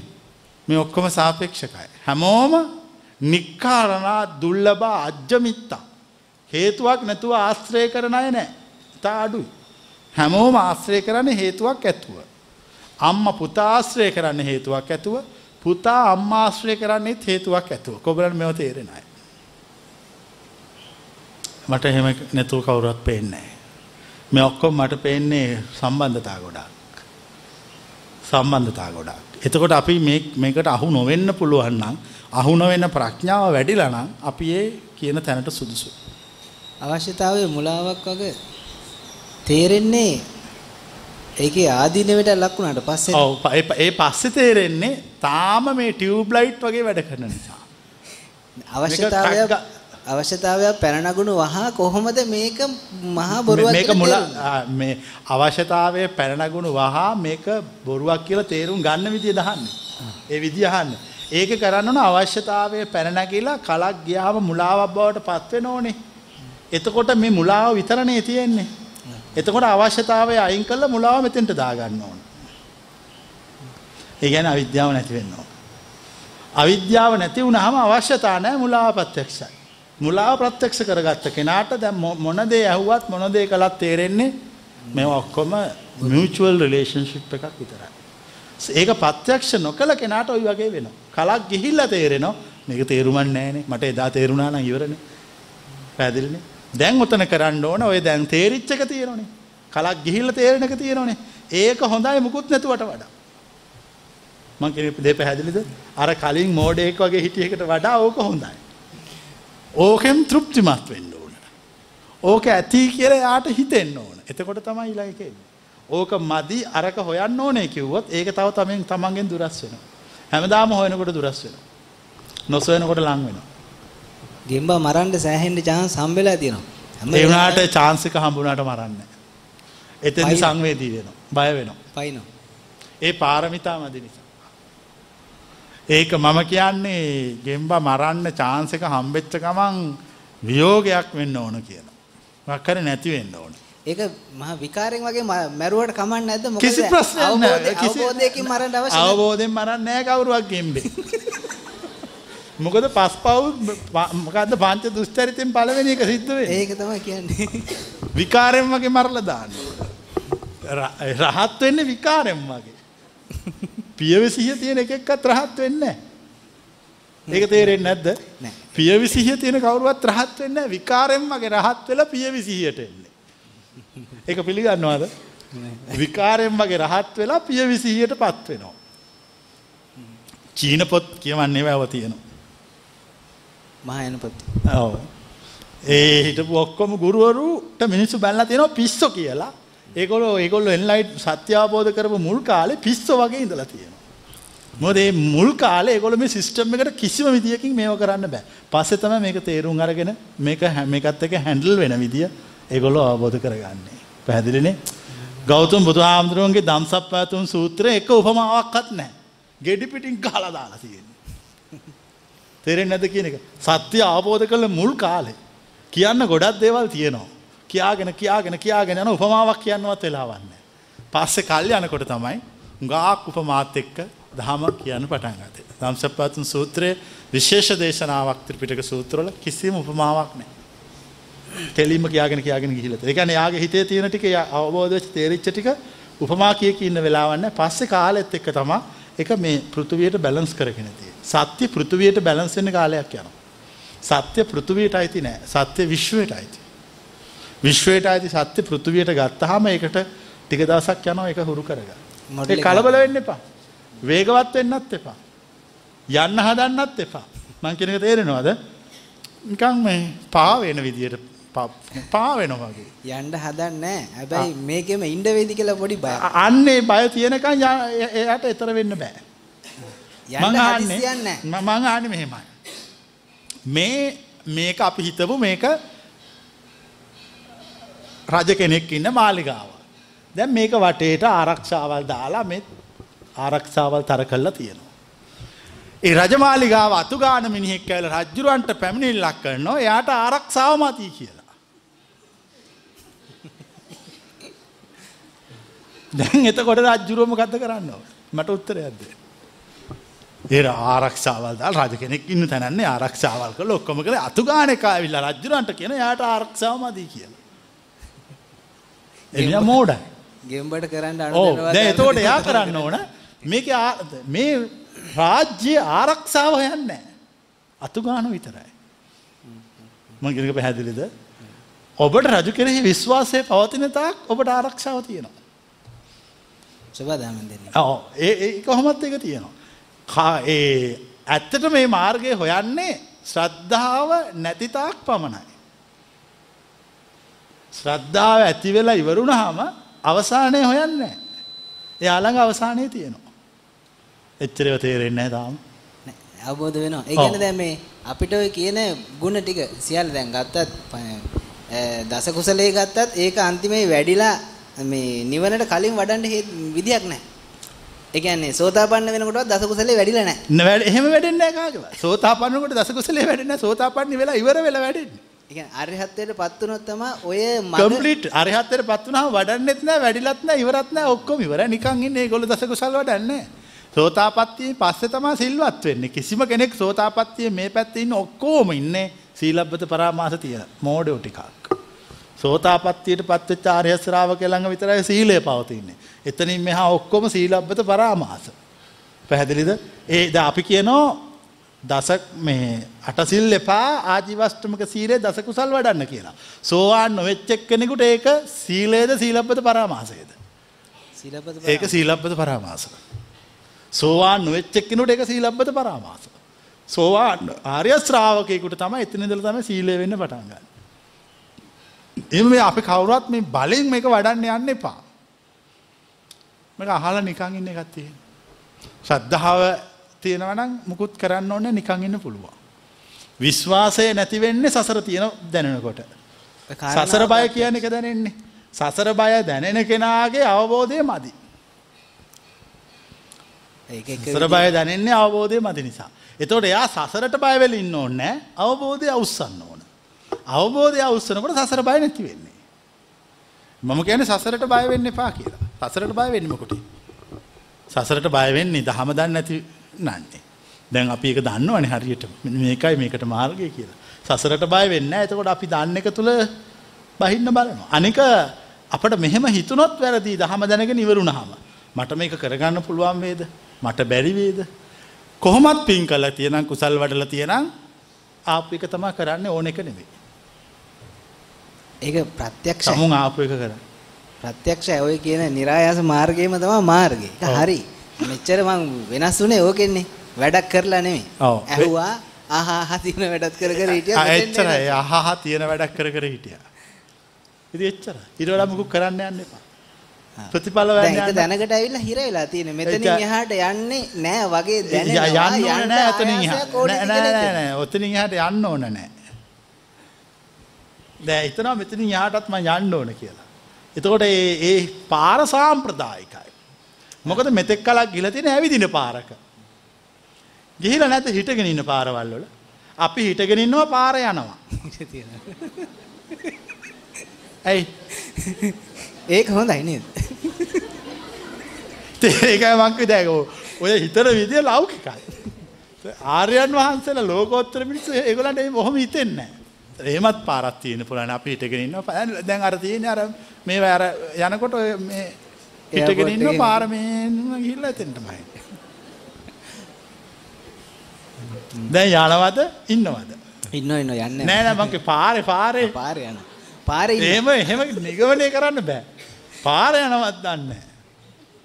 එහෙම වෙන්න ඕනේ නැහැ. ඒ කියන්නේ අපි මේ දැන් ඔතන අර එයාට બ્લોක් වෙනවා වගේ තේරෙන්නේ ඒ මාර්ගයේ වැඩි වෙලා ඒක අස්සේ අර ඉතුරු වෙච්ච ලෞකික චින්තනයක් මෙහෙම ඇවිල්ලා වැහිලා ඒකෙන් අරක පේනවා. ලෞකික චින්තනයෙන් තමුන් වඩපු ආර්ය විනය පේනවා. ඒතර වැරදි ඒක. එතකොට කරන්න ඕන ලෞකික චින්තනයෙන් ආර්ය විනය පේනෝනේ. ලෞකික චින්තනය අතහැරලා දාන්න. සාකච්ඡාව ශ්‍රේෂ්ඨයි. ප්‍රඥාව වඩා ගන්න.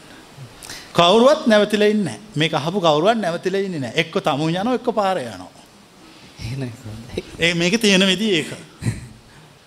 තා මේ පාර යනවා වගේ තේරෙනවා නම් හරි. තමුන් නැවතිලා වගේ ඉන්නකොට මේගොල්ලන්ට බය හිතෙනවා. ඒ වුණාට පාරේ යනවා. අන්න ඒක මතක් වෙන්න ඕන. ඔය මං මෙහෙම ඉන්න වගේ මට තේරුණාට පාරේ යනවා කියලා. ඒත් ගමනාන්තය අවසානයේ එකයි. දැන් පැහැදිලි? ඔච්චරයි. ඒ කියන්නේ මොකුත් කරන්න යන්න නරකයි. කරන්න යනකොට එතන වැරදි. මම අහන්නේ කියන එක හරිනම් මේකම නම් මාර්ගය මොකට වඩන්නේ. විශ්වාසයමයි ගැලවීම. මේකම නම් මාර්ගය කියනෙත් කිසි අවුලන් නැත්තන් තමන්ටත් දැනවන මොකට දයි වඩ වඩ නිකම් පිසුරටන් කාලය නාස්ති කරගන්න මේකම අවසානය. භාග්‍යතුනාන්සර නමස්කාරය. පටිසෝතගාමි චින්තනය ගැන පොඩ පැද පටිසෝතගාමි චින්තනව දේශනහල නැතුව දහන්නේ ගොඩක් පටිසොතගාමි චින්තනය කියන්නේ ඒ පැහැදිලි කරන කන්නෙමේ පැහැදිලි කරොත් අනුසෝතගාමී ලෞකිකයි. ඔය මං කියපු එක මෙයාට තව පැහැදිලි කරලා දෙන්න. පටිසෝතගාමී චින්තනය කියන්නේ පැහැදිලි කරන එකක් නෙමෙයි. පැහැදිලි කළොත් අනුසෝතගාමී ලෞකිකයි. ඇයි දැන් මේ උත්- අහන උත්තරේ පැහැදිලි කරන්න කියලානේ කියන්නේ. පැහැදිලි කරොත් ලෞකිකයි. දැන් මේ ප්‍රශ්නේ අනිත් පැත්තට ඇහුවනම් පටිසෝතගාමී චින්තනය ගැන මොකක්වත් පහදන්න එපා මම දන්නවා කිව්වනම් ඒක එතකොට ආයි ලෞකිකයි. එතකොට මම පහදනවා. පහදන්න කිව්වහම මම කියනවා පහදන්නේ නැහැ කියලා. උත්තරේ පැහැදිලි. අවසරයි සංස ඒක ඒක තමයි උත්තරේ. ඒක ප්‍රත්‍යක්ෂ කරන්න ඕන දෙයක්. හැබැයි ඉතින් ද්වංගුල පඤ්ඤානේ තේරෙත් දන්නේ ඒක ප්‍රත්‍යක්ෂ කරන්න ඕන දෙයක් දේශනන්ස නැත්නම් ඒක මේ දත්යක් විදිහට ආය ඔලුවට අරගෙන ඒක දත්යක් විදිහට ඔලුවට අරගෙන ඒක දැන් ওই කලින් අර භාවනා කරන්න කියලා වම් අත උඩින් දකුණු අත තියන. ආ වම් අත උඩින් දකුණු අත. කොහොම හරි ඕක මාරු කරලා කොහොම හරි මෙහෙම තියාගත්තා කියමු. මේ දත්ත විදිහටනේ තියන්නේ මේවා. ඊට පස්සේ හුස් සිහිය නාහෙට. ආ සිහිය නාහෙට කොහොම හරි ගත්තා. දැන් හුස්ම ගනින්. ආන. පාන. මේ ඔක්කොම දත්ත. මේ දත්ත කොහොමද නිවනට හේතු වෙන්නේ. දත්ත හේතු වෙන්නේ පෘථුවියට. දැන් මගෙන් අහනවා පරිසෝතගාමි මාවත පහදන්න කියලා. ඉතින් සියල්ල දන්න මම සියල්ල ප්‍රත්‍යක්ෂ කර මම උත්තර දෙන්නේ නැහැ මේ ප්‍රශ්නෙට. ඒ උත්තර දුන්නොත් ඒව ඔක්කොම ආයි මේ වගේ දත්ත වෙනවා. බර වැඩිනේ. බිමින් තියලා යන්න. ඒ උත්තරේ බර වැඩි. ඒ ඔත- ඔතන කරන්න ඕන දේ තව අහන්න ඕනේ. අහලා මත නිසා එහෙම ප්‍රශ්න අහන්නේ. දැන් අහන්න ප්‍රශ්න. ස්වාමීන් වහන්සේගෙන් අවසරයි. ස්වාමීන් වහන්සේ මට ගෙම්බ මරා ගන්න ඕනි. ආ. Tamanටම තමයි මරා ගන්න. අපි අනුන්ගේ ගෙම්බ මරන්නේ නැහනේ. යකඩ බෝල බොහොම ආවා. යකඩ බෝලත් එක්ක තමයි දැනුත් ඉන්නේ. ජීවිතය හැප්- හැල හැප්පිලි වැටින ඒවා මේ සියල්ල ජීවිතේ තියෙන්න ඕන. නැත්තම් මේ ජීවිතේ හයිය නැහැ. ඒකක්වත් මම ගණන් ගන්නෑ. ගණන් මේ මග වඩාගෙන යනවා ස්වාමීන් වහන්සේ. ඉතින් මේ දවස්වල මට එක එක විකාර පේනවා. ආ මොන විකාර? ගිය ආත්මේ කියලා විකාරයක් පේනවා. ඒවා අතහැරලා දාන්න. ඊට පස්සේ මේ අම්මගේ බඩට ආපු විකාරයක් ආ පේනවා. ඒවා අතහැරලා දාන්න. ඒ වුණා මම ඒ එකක්වත් ගණන් ගන්න නෑ ස්වාමීන් ඒ වහන්සේ. ඒ එක එක දේවල් පෙන්න පෙන්න තමුන් ලෞකික කරන්න හදනවා. සාම්ප්‍රදායික කරන්න හදනවා. ඒවා ඕවා නැහැ. ඒකක්වත් මං අම්මගේ බඩට ආපු හැටි නෙමෙයි හෙව්වේ අම්මගේ බඩට එන්නේ නැතුව ඉන්න විදිය මං ඒ අතීතය ගැන වැඩක් නෑ එක කියලා මට වැඩක් නෑ කියලා කිසිම දෙයක්. හොයන්න එපා හෙව්වොත් අවුල් වෙනවා. වෙන පැත්තට හිත යනවා. නිදහසේ ඉන්න, නිදහසේ අහන්න, නිදහසේ බැනුම් අහන්න, නිදහසේ හොඳ. බැනුම්ම තමයි ස්වාමීන් කිසිම අවුලක් නැහැ. එහෙම මේ බැනුම් ඇහුව කියලා ඒක මේ අමුතු එකක් නෙවෙයි. ඒක සාමාන්‍ය විදියක්. අවසරයි ස්වාමීන් හොඳයි. ජීවිතේ හයිය නැති ප්‍රශ්නේ තියෙන්නේ. දැන් මෙතන අපිට පොන්චි කාලේ ඉඳලා උගන්වනෝනේ හොඳ අහන්න කියලා. එතන එක ලොකු අවුලක් නෙමේ සොසයි සමාජයේම තියෙන ප්‍රශ්නයන්නේ. තෑගිනේ දෙන්නේ මිනිස්සුන්ට. දැන් ළමයෙක් දිනලාවහම තෑග්ගක් දෙනවා මොකක් හරි විස්කෝතු පෙට්ටියක් හරි මොකක් හරි සපත්තු දෙකක් හරි දෙනවා. ළමයෙක් දිනලාවහම ඕකට දිමි ගොට්ටක් වගේ එකක් දෙනවද වේවැල් පහකුත් එක්ක. මං කියන්නේ ඒක හරි කියලා. ඒකත් දිනලා තරඟේ දිනුවාම දිමිගොටු පහක් දෙනවා. වේවල් තුනකුත් එක්ක. පස්සේ තරඟේ දිනුවාම දිමිගොටු ටික දාලා අරුට ගහනවා පස් දෙනෙක් වේවල් පහක්. ඒක හරි. දැන් ඒගොල්ලන්ට ඒ විදිහේ ට්‍රේනින් එකක් පොඩි කාලේ දුන්නා නම් බණින එකත් එකයි. ඊට පස්සේ ආයෙ එක්කෙනෙක් දිනලාම විස්කෝතු පෙට්ටියක් දෙනවා. ඒකත් මේ දෙකේ වෙනසක් නැහැ. දැන් මෙතන වෙලා තියෙන විස්කෝතු පෙට්ටි විතරමයි ජීවිතේම හම්බ වෙලා තියෙන්නේ. පොඩ්ඩක් හරි බැන්නොත් උඩ යනවා. ඒතර අපි කියන්නේ මේක අනිත් පැත්ත. අනිත් පැත්ත ගන්න කියලා. අපි හල් කරලා තියෙන අනිත් පැත්ත ප්‍රතික්ෂේප කරවලා. මේ පැත්ත මෙහෙම උස් කරවලා. දැන් වෙන පෘථුවියක ඕකේ අනිත් පැත්ත තියෙන. ඉතින් ওই දෙක තේරුම් අරගෙන මේ දෙකට තේරුම් අරගෙන දෙකට නොබැඳී හිටියනම් එයා අපි කියන පාරටපත් වෙනවා. අර සමන්ස ප්‍රශ්න කීපයක් තියෙනවා ඒ පළවෙනි ප්‍රශ්නේ තමයි සානස අර නිතරම ඔබ වහන්සේගේ දේශනාවල තියෙන සතුට සතුට ගැනමයි කතා කරන්නේ සතුටෙන් ඉන්න ක්‍රම විදියක්මයි කතා කරන්නේ. එතකොට සානස දැන් කෙනෙක්ට හිතෙන්න පුළුවන් දැන් සතුට කියලා දැන් හොදක් වුණත් හොඳයි නරක වුණත් හොඳයි. ඔය ක්‍රමවේදය තුල මේ පොසිටිව් නේ. ඔක පොසිටිව් යන ක්‍රමවේදය තුල එතකොට නිවනත් පවතින්නේ මේ පොසිටිව් ක්‍රමවේදයම තුලද ඍණාත්මක නෙමෙයි ධනාත්මක ක්‍රමවේදය තුල තමයි මේක එතකොට මට දැනෙන්නේ පවතින්නේ. වැරදි. නිවන පවතින්නේ නැහනේ. ආලෝකය පවතිනවා.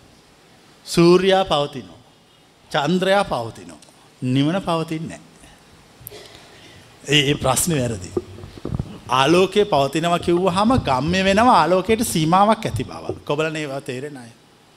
සූර්යා පවතිනවා කිව්වහම එයාට සීමාවක් අපට චන්ද මේ කර සීමාවල් තේරෙනවා. නිවන පවතිනවා කියන්නේ. නිවන නොපවතිනවා කියන්නෙත් නෑ. ඊට පස්සේ මේ ලෞකික ලෝකයේ කුමන හෝ සංසිද්ධියක් පාදක කරගෙන ඒක නිවනේ කියන්නෙත් නෑ. සතුටෙන් ඉන්න කියන පොසිටිව්ව ඉන්න කියන ඒක නිවන කියන වැරදි. ඒතකොට අපේ ක්‍රමවේදය තුළ දිගින් දිගටම ගමන් කරනකොට යම් යම් දේවල් දැන් දැන් දුක කියන ස්වභාවය අරහත් ත්වයට පත් වෙනකම්ම පවතිනවා දුකේ දුක කියන ස්වභාවය පවතිනවනේ ඒ ස්වභාවය තියෙන අරින්න. ඔව් ඒක කොහොමද ලැබෙනවනේ මෙහෙම මේ මාර්ගය කියනකොට අවස්ථාවෙන් අවස්ථාවට වෙනස් කරනවා කියන ඒවා රත විනීත සූත්‍රය. ආලා නැහැ.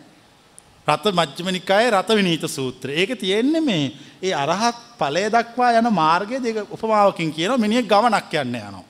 දැන් ඔන්න යට වෙලා තියෙන්නේ. ඔන්න රත විනිත සූත්‍රය බලා ගන්න පුළුවන් දැන් ගියන් පස්සේ. දැන් ඔන්න ඉස්සෙල්ලාම අපි යනවා බස් එකකින්. ඊට පස්සේ අපිට කියනවා දැන් මෙතන ඉඳලා බස් එක යන්න බෑ.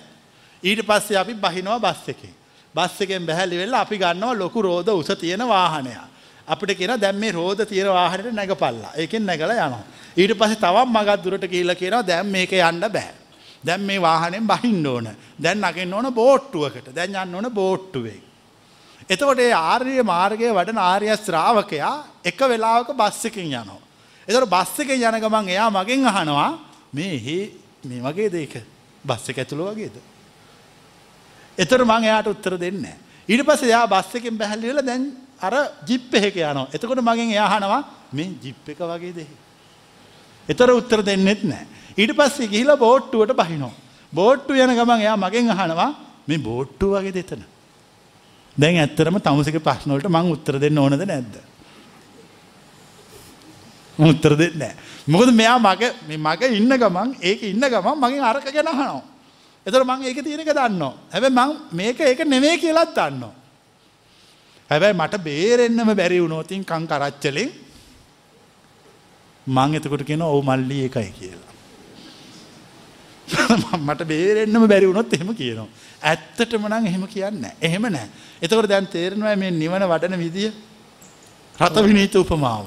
නිතර විතර සතුටින් ඉන්න ක්‍රියාදාමය තුළ උච්චම මූලිකව පවතින විදිය කියලා දෙනවා. කිසි දෙයකට කනගාට වෙන්න එපා, දුක් වෙන්න එපා, සන්තෝෂයෙන් ඉන්න අහිමි වීම ජීවිතය කියලා දකින්න.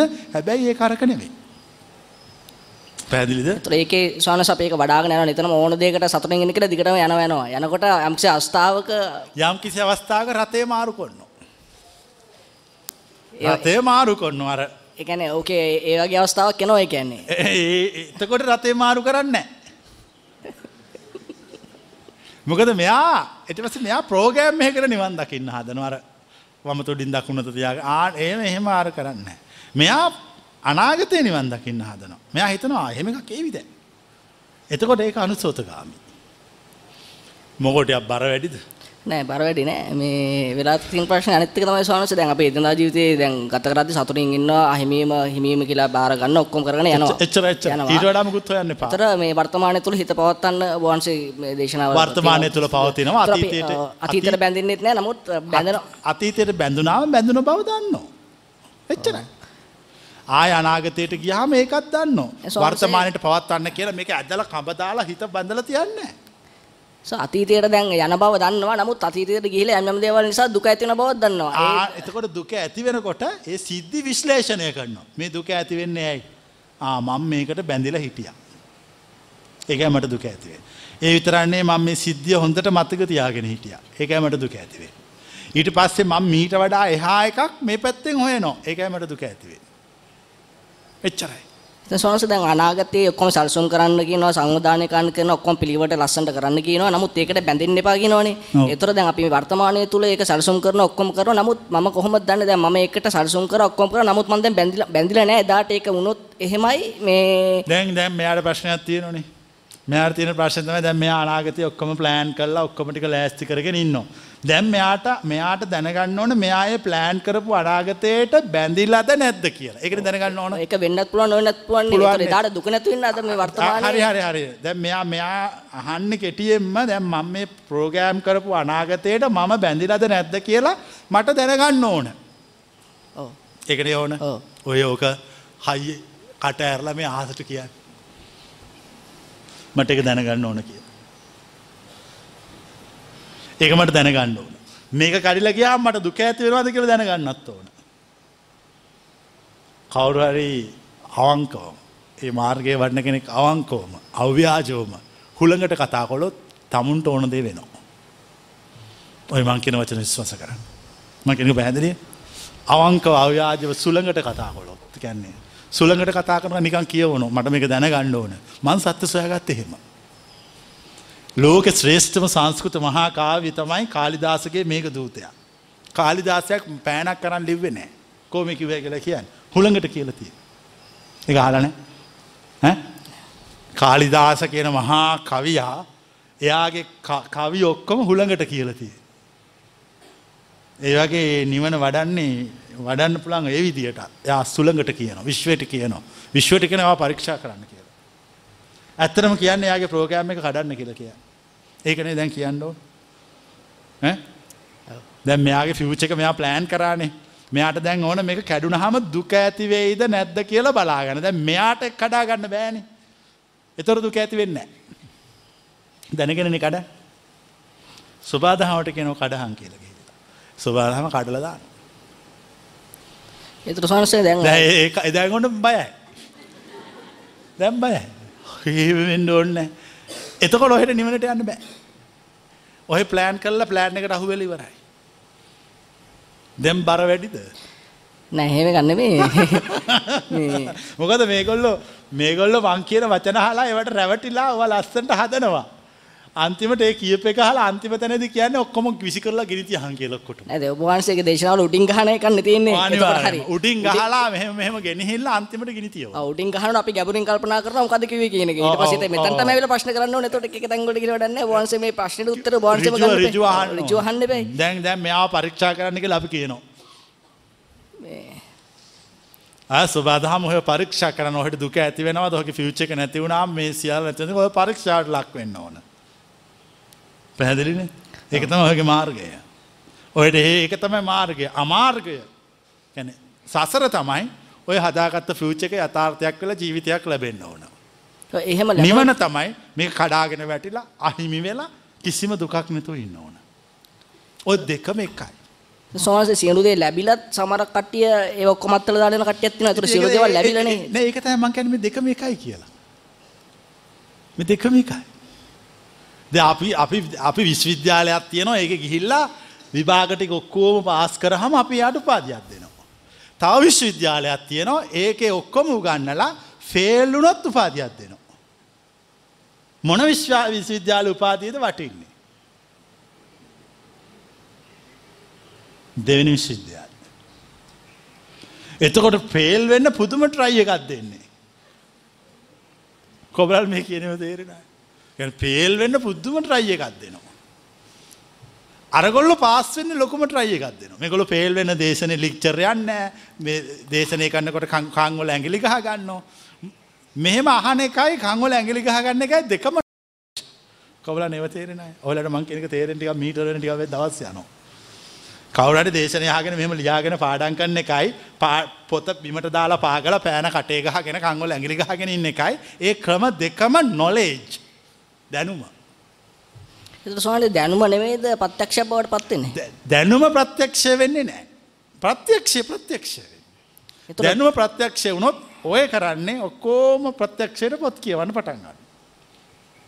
ඒක සෝනස ත්‍රිපිටක බුද්ධාගමේ බුද්ධ දේශනාවල සාබ දැන් අපි දන්න වෙනස්කම් වෙලා තියෙනවා ඔය කියන විදිහට වහන්සේ දේශනාවල අපි දැන් බුද්ධ කෝෂ හාමුදුරුවන්ගේ පස්සේ මේක යම් යම් වෙනස්කම් වෙලා තියෙනවා කියලා අපි දැන් අහලා තියෙනවානේ. ඒතර දැන් ස්වාමීන් වහන්සේලා සෑහෙන පැවිදි වෙලා ආරණ්‍ය සේනාසන ඔහොම ඉන්නවනේ. ඒතර අපිට ප්‍රශ්නයක් එනවනේ දැන් දැන් ඔය දැන් බුද්ධ බුදුහාමුදුරුවෝ දේශනා කරපු 2500 කලින් දශකයේ ඒ දේශනාව එතකොට ඒ කියපු දේනේ පොතේ තියෙන්නේ. ඒ බුද්ධ වචනේම පොතේ තියෙනවා නම් ඒ බුද්ධ වචන අනුව යම් කිසි කෙනෙක් ප්‍රායෝගිකව ප්‍රැක්ටිකල් කළා තමයි ඒ ප්‍රක්ටිකල් එක කරන්න බෑ. එතර බුද්ධ වචනය අහන්න මෝන්ද එත ලියපු එකකින් එක ගන්න පෙරද ලිපකින් ගන්න බෑ. බුද්ධ වචනම එක්කනෙ තනියෙන් කරන්න ඕන. තනියෙන් කල්ල සාක්ෂාත් කළ දේශනා කරන්න. ඒ දේශනා කරන්න එක තමයි බුද්ධ වචනය. එක ත්‍රිපිටක බුද්ධ වචනය තිබ පර්යාප්තිය නෙමේ බුද්ධ වචනය ප්‍රතිවේදය බුද්ධ වචනය. ඒවුණට අටකතාචාරන් වහන්සල් දෙදස් පන්සියමක පර්යාප්තිය බුද්ධ වචනය එක ලෙම කියන ඒ තුනේ ප්‍රතිවේදයක් ගැන ගොල දන්න ඇති නිසා මම කියන ප්‍රතිවේදය බුද්ධ වචනය කියලා. ප්‍රතිවේදය නිසා ප්‍රතිපත්තිය පහළ වෙන ප්‍රතිපත්තිය තමයි පර්යාප්තිය වෙන්නේ. දැන් සියලු ප්‍රති පර්යාප්ති කැන්සර්. ඒතර සෝනාසේ තව පර්යාප්තිය කියන්නේ? දැන් තව මේක සමාජීතර ප්‍රශ්න මම අහන සෝනාසේ අපි දැන් සාකච්ඡා කරද්දී නෑ නෑ දැන් මම තව කියන්න. තර්ක තර්ක එනවා සමාජයත් එක්ක අනිවාර්යෙන් දන්නත් අපි එතකොට මගෙන් අපි සමාජයේ අත අහනවා දැන් උන්වහන්සේ රහත් කියලා කියනවා. උන්වහන්සේ සියලු දැනුමෙන් මේ සියලු දැනුම තියනවා කියලා කියන ත්‍රිපිටක බුද්ධ වචන කියනවා. දැන් උන්වහන්සේ කොහොමද රහත් උනේ? උන්වහන්සේට කොහොමද ওই මාර්ගයේ උන්වහන්සේ වඩලා නෙමෙයිද? බුදුන් වහන්සේ ගෞතම බුදුන් වහන්සේ මාර්ගය තුල ගමන් කළ නෙමෙයිද? උන්වහන්සේ රහත් උනේ. ඒතර උන්වහන්සේට මං අහන්නේ මේ අවුරුදු 2500 ඇතුළත මේ ලංකාවට මිහිඳු හාමුදුරුවෝ බුද්ධාගම ගෙනායන් පස්සේ ගිය වෙච්ච කාලේ ඇතුළත. මම විතරද මොලේ තියෙන හේකුට ආවේ? වෙන කවුරුවත් ඔය පොත කියවලා නිවන් දැකපු කට්ටියකෝ ඔය ප්‍රශ්න මම ඉදිරිපත් කරනවා. නමුත් වෙලා තින්නේ සෝන්නාස දැන් ඒ පිළිගන්න කැමති නැහැනේ දැන්. ඒගොල්ලෝ ඒ- ඒගොල්ලන් කියන්නේ දැන් බුද්ධ වචනේ ත්‍රිපිටකය තුල තියෙනවා නම් මාර්ගඵලලාභෙන් අනිවාර්යෙන් බිහි වෙන්න ඕන කියලා ඒගොල්ලන් කිනුත් ඒක පිළිගන්නවා. ඉතින් ඒක එහෙම නැත්තම් නමුත් ඔව් ඒතර මං ඒතර ඒගොල්ලන් කියන මං කියනවා බුද්ධ වචන වකර ප්‍රශ්නයක් තියෙනවා එක්ක මේක ප්‍රායෝගිකව පුහුණු කරන්නේ නැහැ කියලා. එතකොට ප්‍රායෝගිකව පුහුණු කරා නම් ප්‍රතිඵල තියෙන්න බෑයි. අනිවාර්යයෙන්ම. එතකොට මේ ප්‍රශ්නයක් එනවා දැන් මම ඒගොල්ලන් ඇහුවා එතකොට දැන් ඒගොල්ලන් තර්කයක් ඉදිරිපත් කරනවා තව තර්කයක් ඉදිරිපත් කරා ඒගොල්ලන් දැන් උන්වහන්සේ ප්‍රකාශයක් කරනවා VFM එකේ වැඩසටහන කාපේකන මම උන්වහන්සේ ජීවමාන බුදුරෙක් කිව්වා. මම ඒවා සර්වත්‍ර ඥානයක් තියනවාද? ඔව් හරි සර්වඥතා ඊට පස්සේ මං- මං කා- දැන් ම- අහන්නේ බුදුවරුන් තියෙන ඥානෙ කුමක්ද? ඔව්, එතකොට- තේවිජ්ජ වච්චකොත් සූත්‍රය කියවල නැහැ තේවිජ්ජ වච්චකොත් බ්‍රාහ්මණය ගෞතම බුදුහාමුදුර ළඟට ඇවිල්ලා අහනවා. මිනිස්සු ඔබ වහන්සේට චෝදනාවක් කරනවා. ත්‍රිකාලික සර්වඥතා ඥානය පවතිනවා කියනවා ඒතර බුදුහාමුදුරුවෝ කියනවා මට එහෙම එකක් නැහැ බුදුවරුන්ට ත්‍රිකාලික සර්වඥතා ඥානෙ නැහැ බුදුවරුන්ට තියෙන්නේ මාර්ගය ගැන සර්වඥතා ඥානෙ විතරයි මම ප්‍රශ්නයක් අහනවා. ඔච්චර තර්වකතා ඥානය තිබිච්ච බුදුහාමුදුරන්ට බැරි වුණාද තමන්ගේම පන්සලේ ගෑණියෙක් මරලා ගෙනල්ලා හංගල වල දානකම් ඒ බුදුහාමුදුරු දන්නේ නැහැ. දැන් දීහන් නෑ, උත්තර මම ඕකට අනිත් පැත්තට අතන අර දේවදත්තයා ගල පෙරලෙනවා අර උඩ මේ යටින් යනවා. මම ඒකත් නෝ ඉදිරිපත් කරා ඉතින් දන්නේ. නමුත් ඊට පස්සේ බුදුවරුන්ට සර්වකතා ඥානය පවතින්නේ මේ ගස්වල ගෙඩි වැටෙන ඒවා පොල් කඩන්න එහෙම නැත්නම් ලිං හාරන්න ඒවට නෙමෙයි. බුදුවරුන්ට සර්වකතා ඥානය පවතින්නේ මිනිස්සු නිවන් දක්වන්න. එච්චරයි. ඔව් එතකොට මම ඒකෙන් සරුවක්ඥයි. මම ඒකෙන් සරුවක්ඥයි. මම මේ මාර්ගය සාසුද්දෙන් මේ පැත්තේ මේ පැත්ත කෙලවරට මේ පැත්තේ මේ පැත්ත කෙලවරට මේ පැත්ත කෙලවරට මේ පැත්තට උඩට යටට සිව් දිසාවට උඩ උඩ යට දෙදිසාවට මේ සියල්ල මම දන්නවා.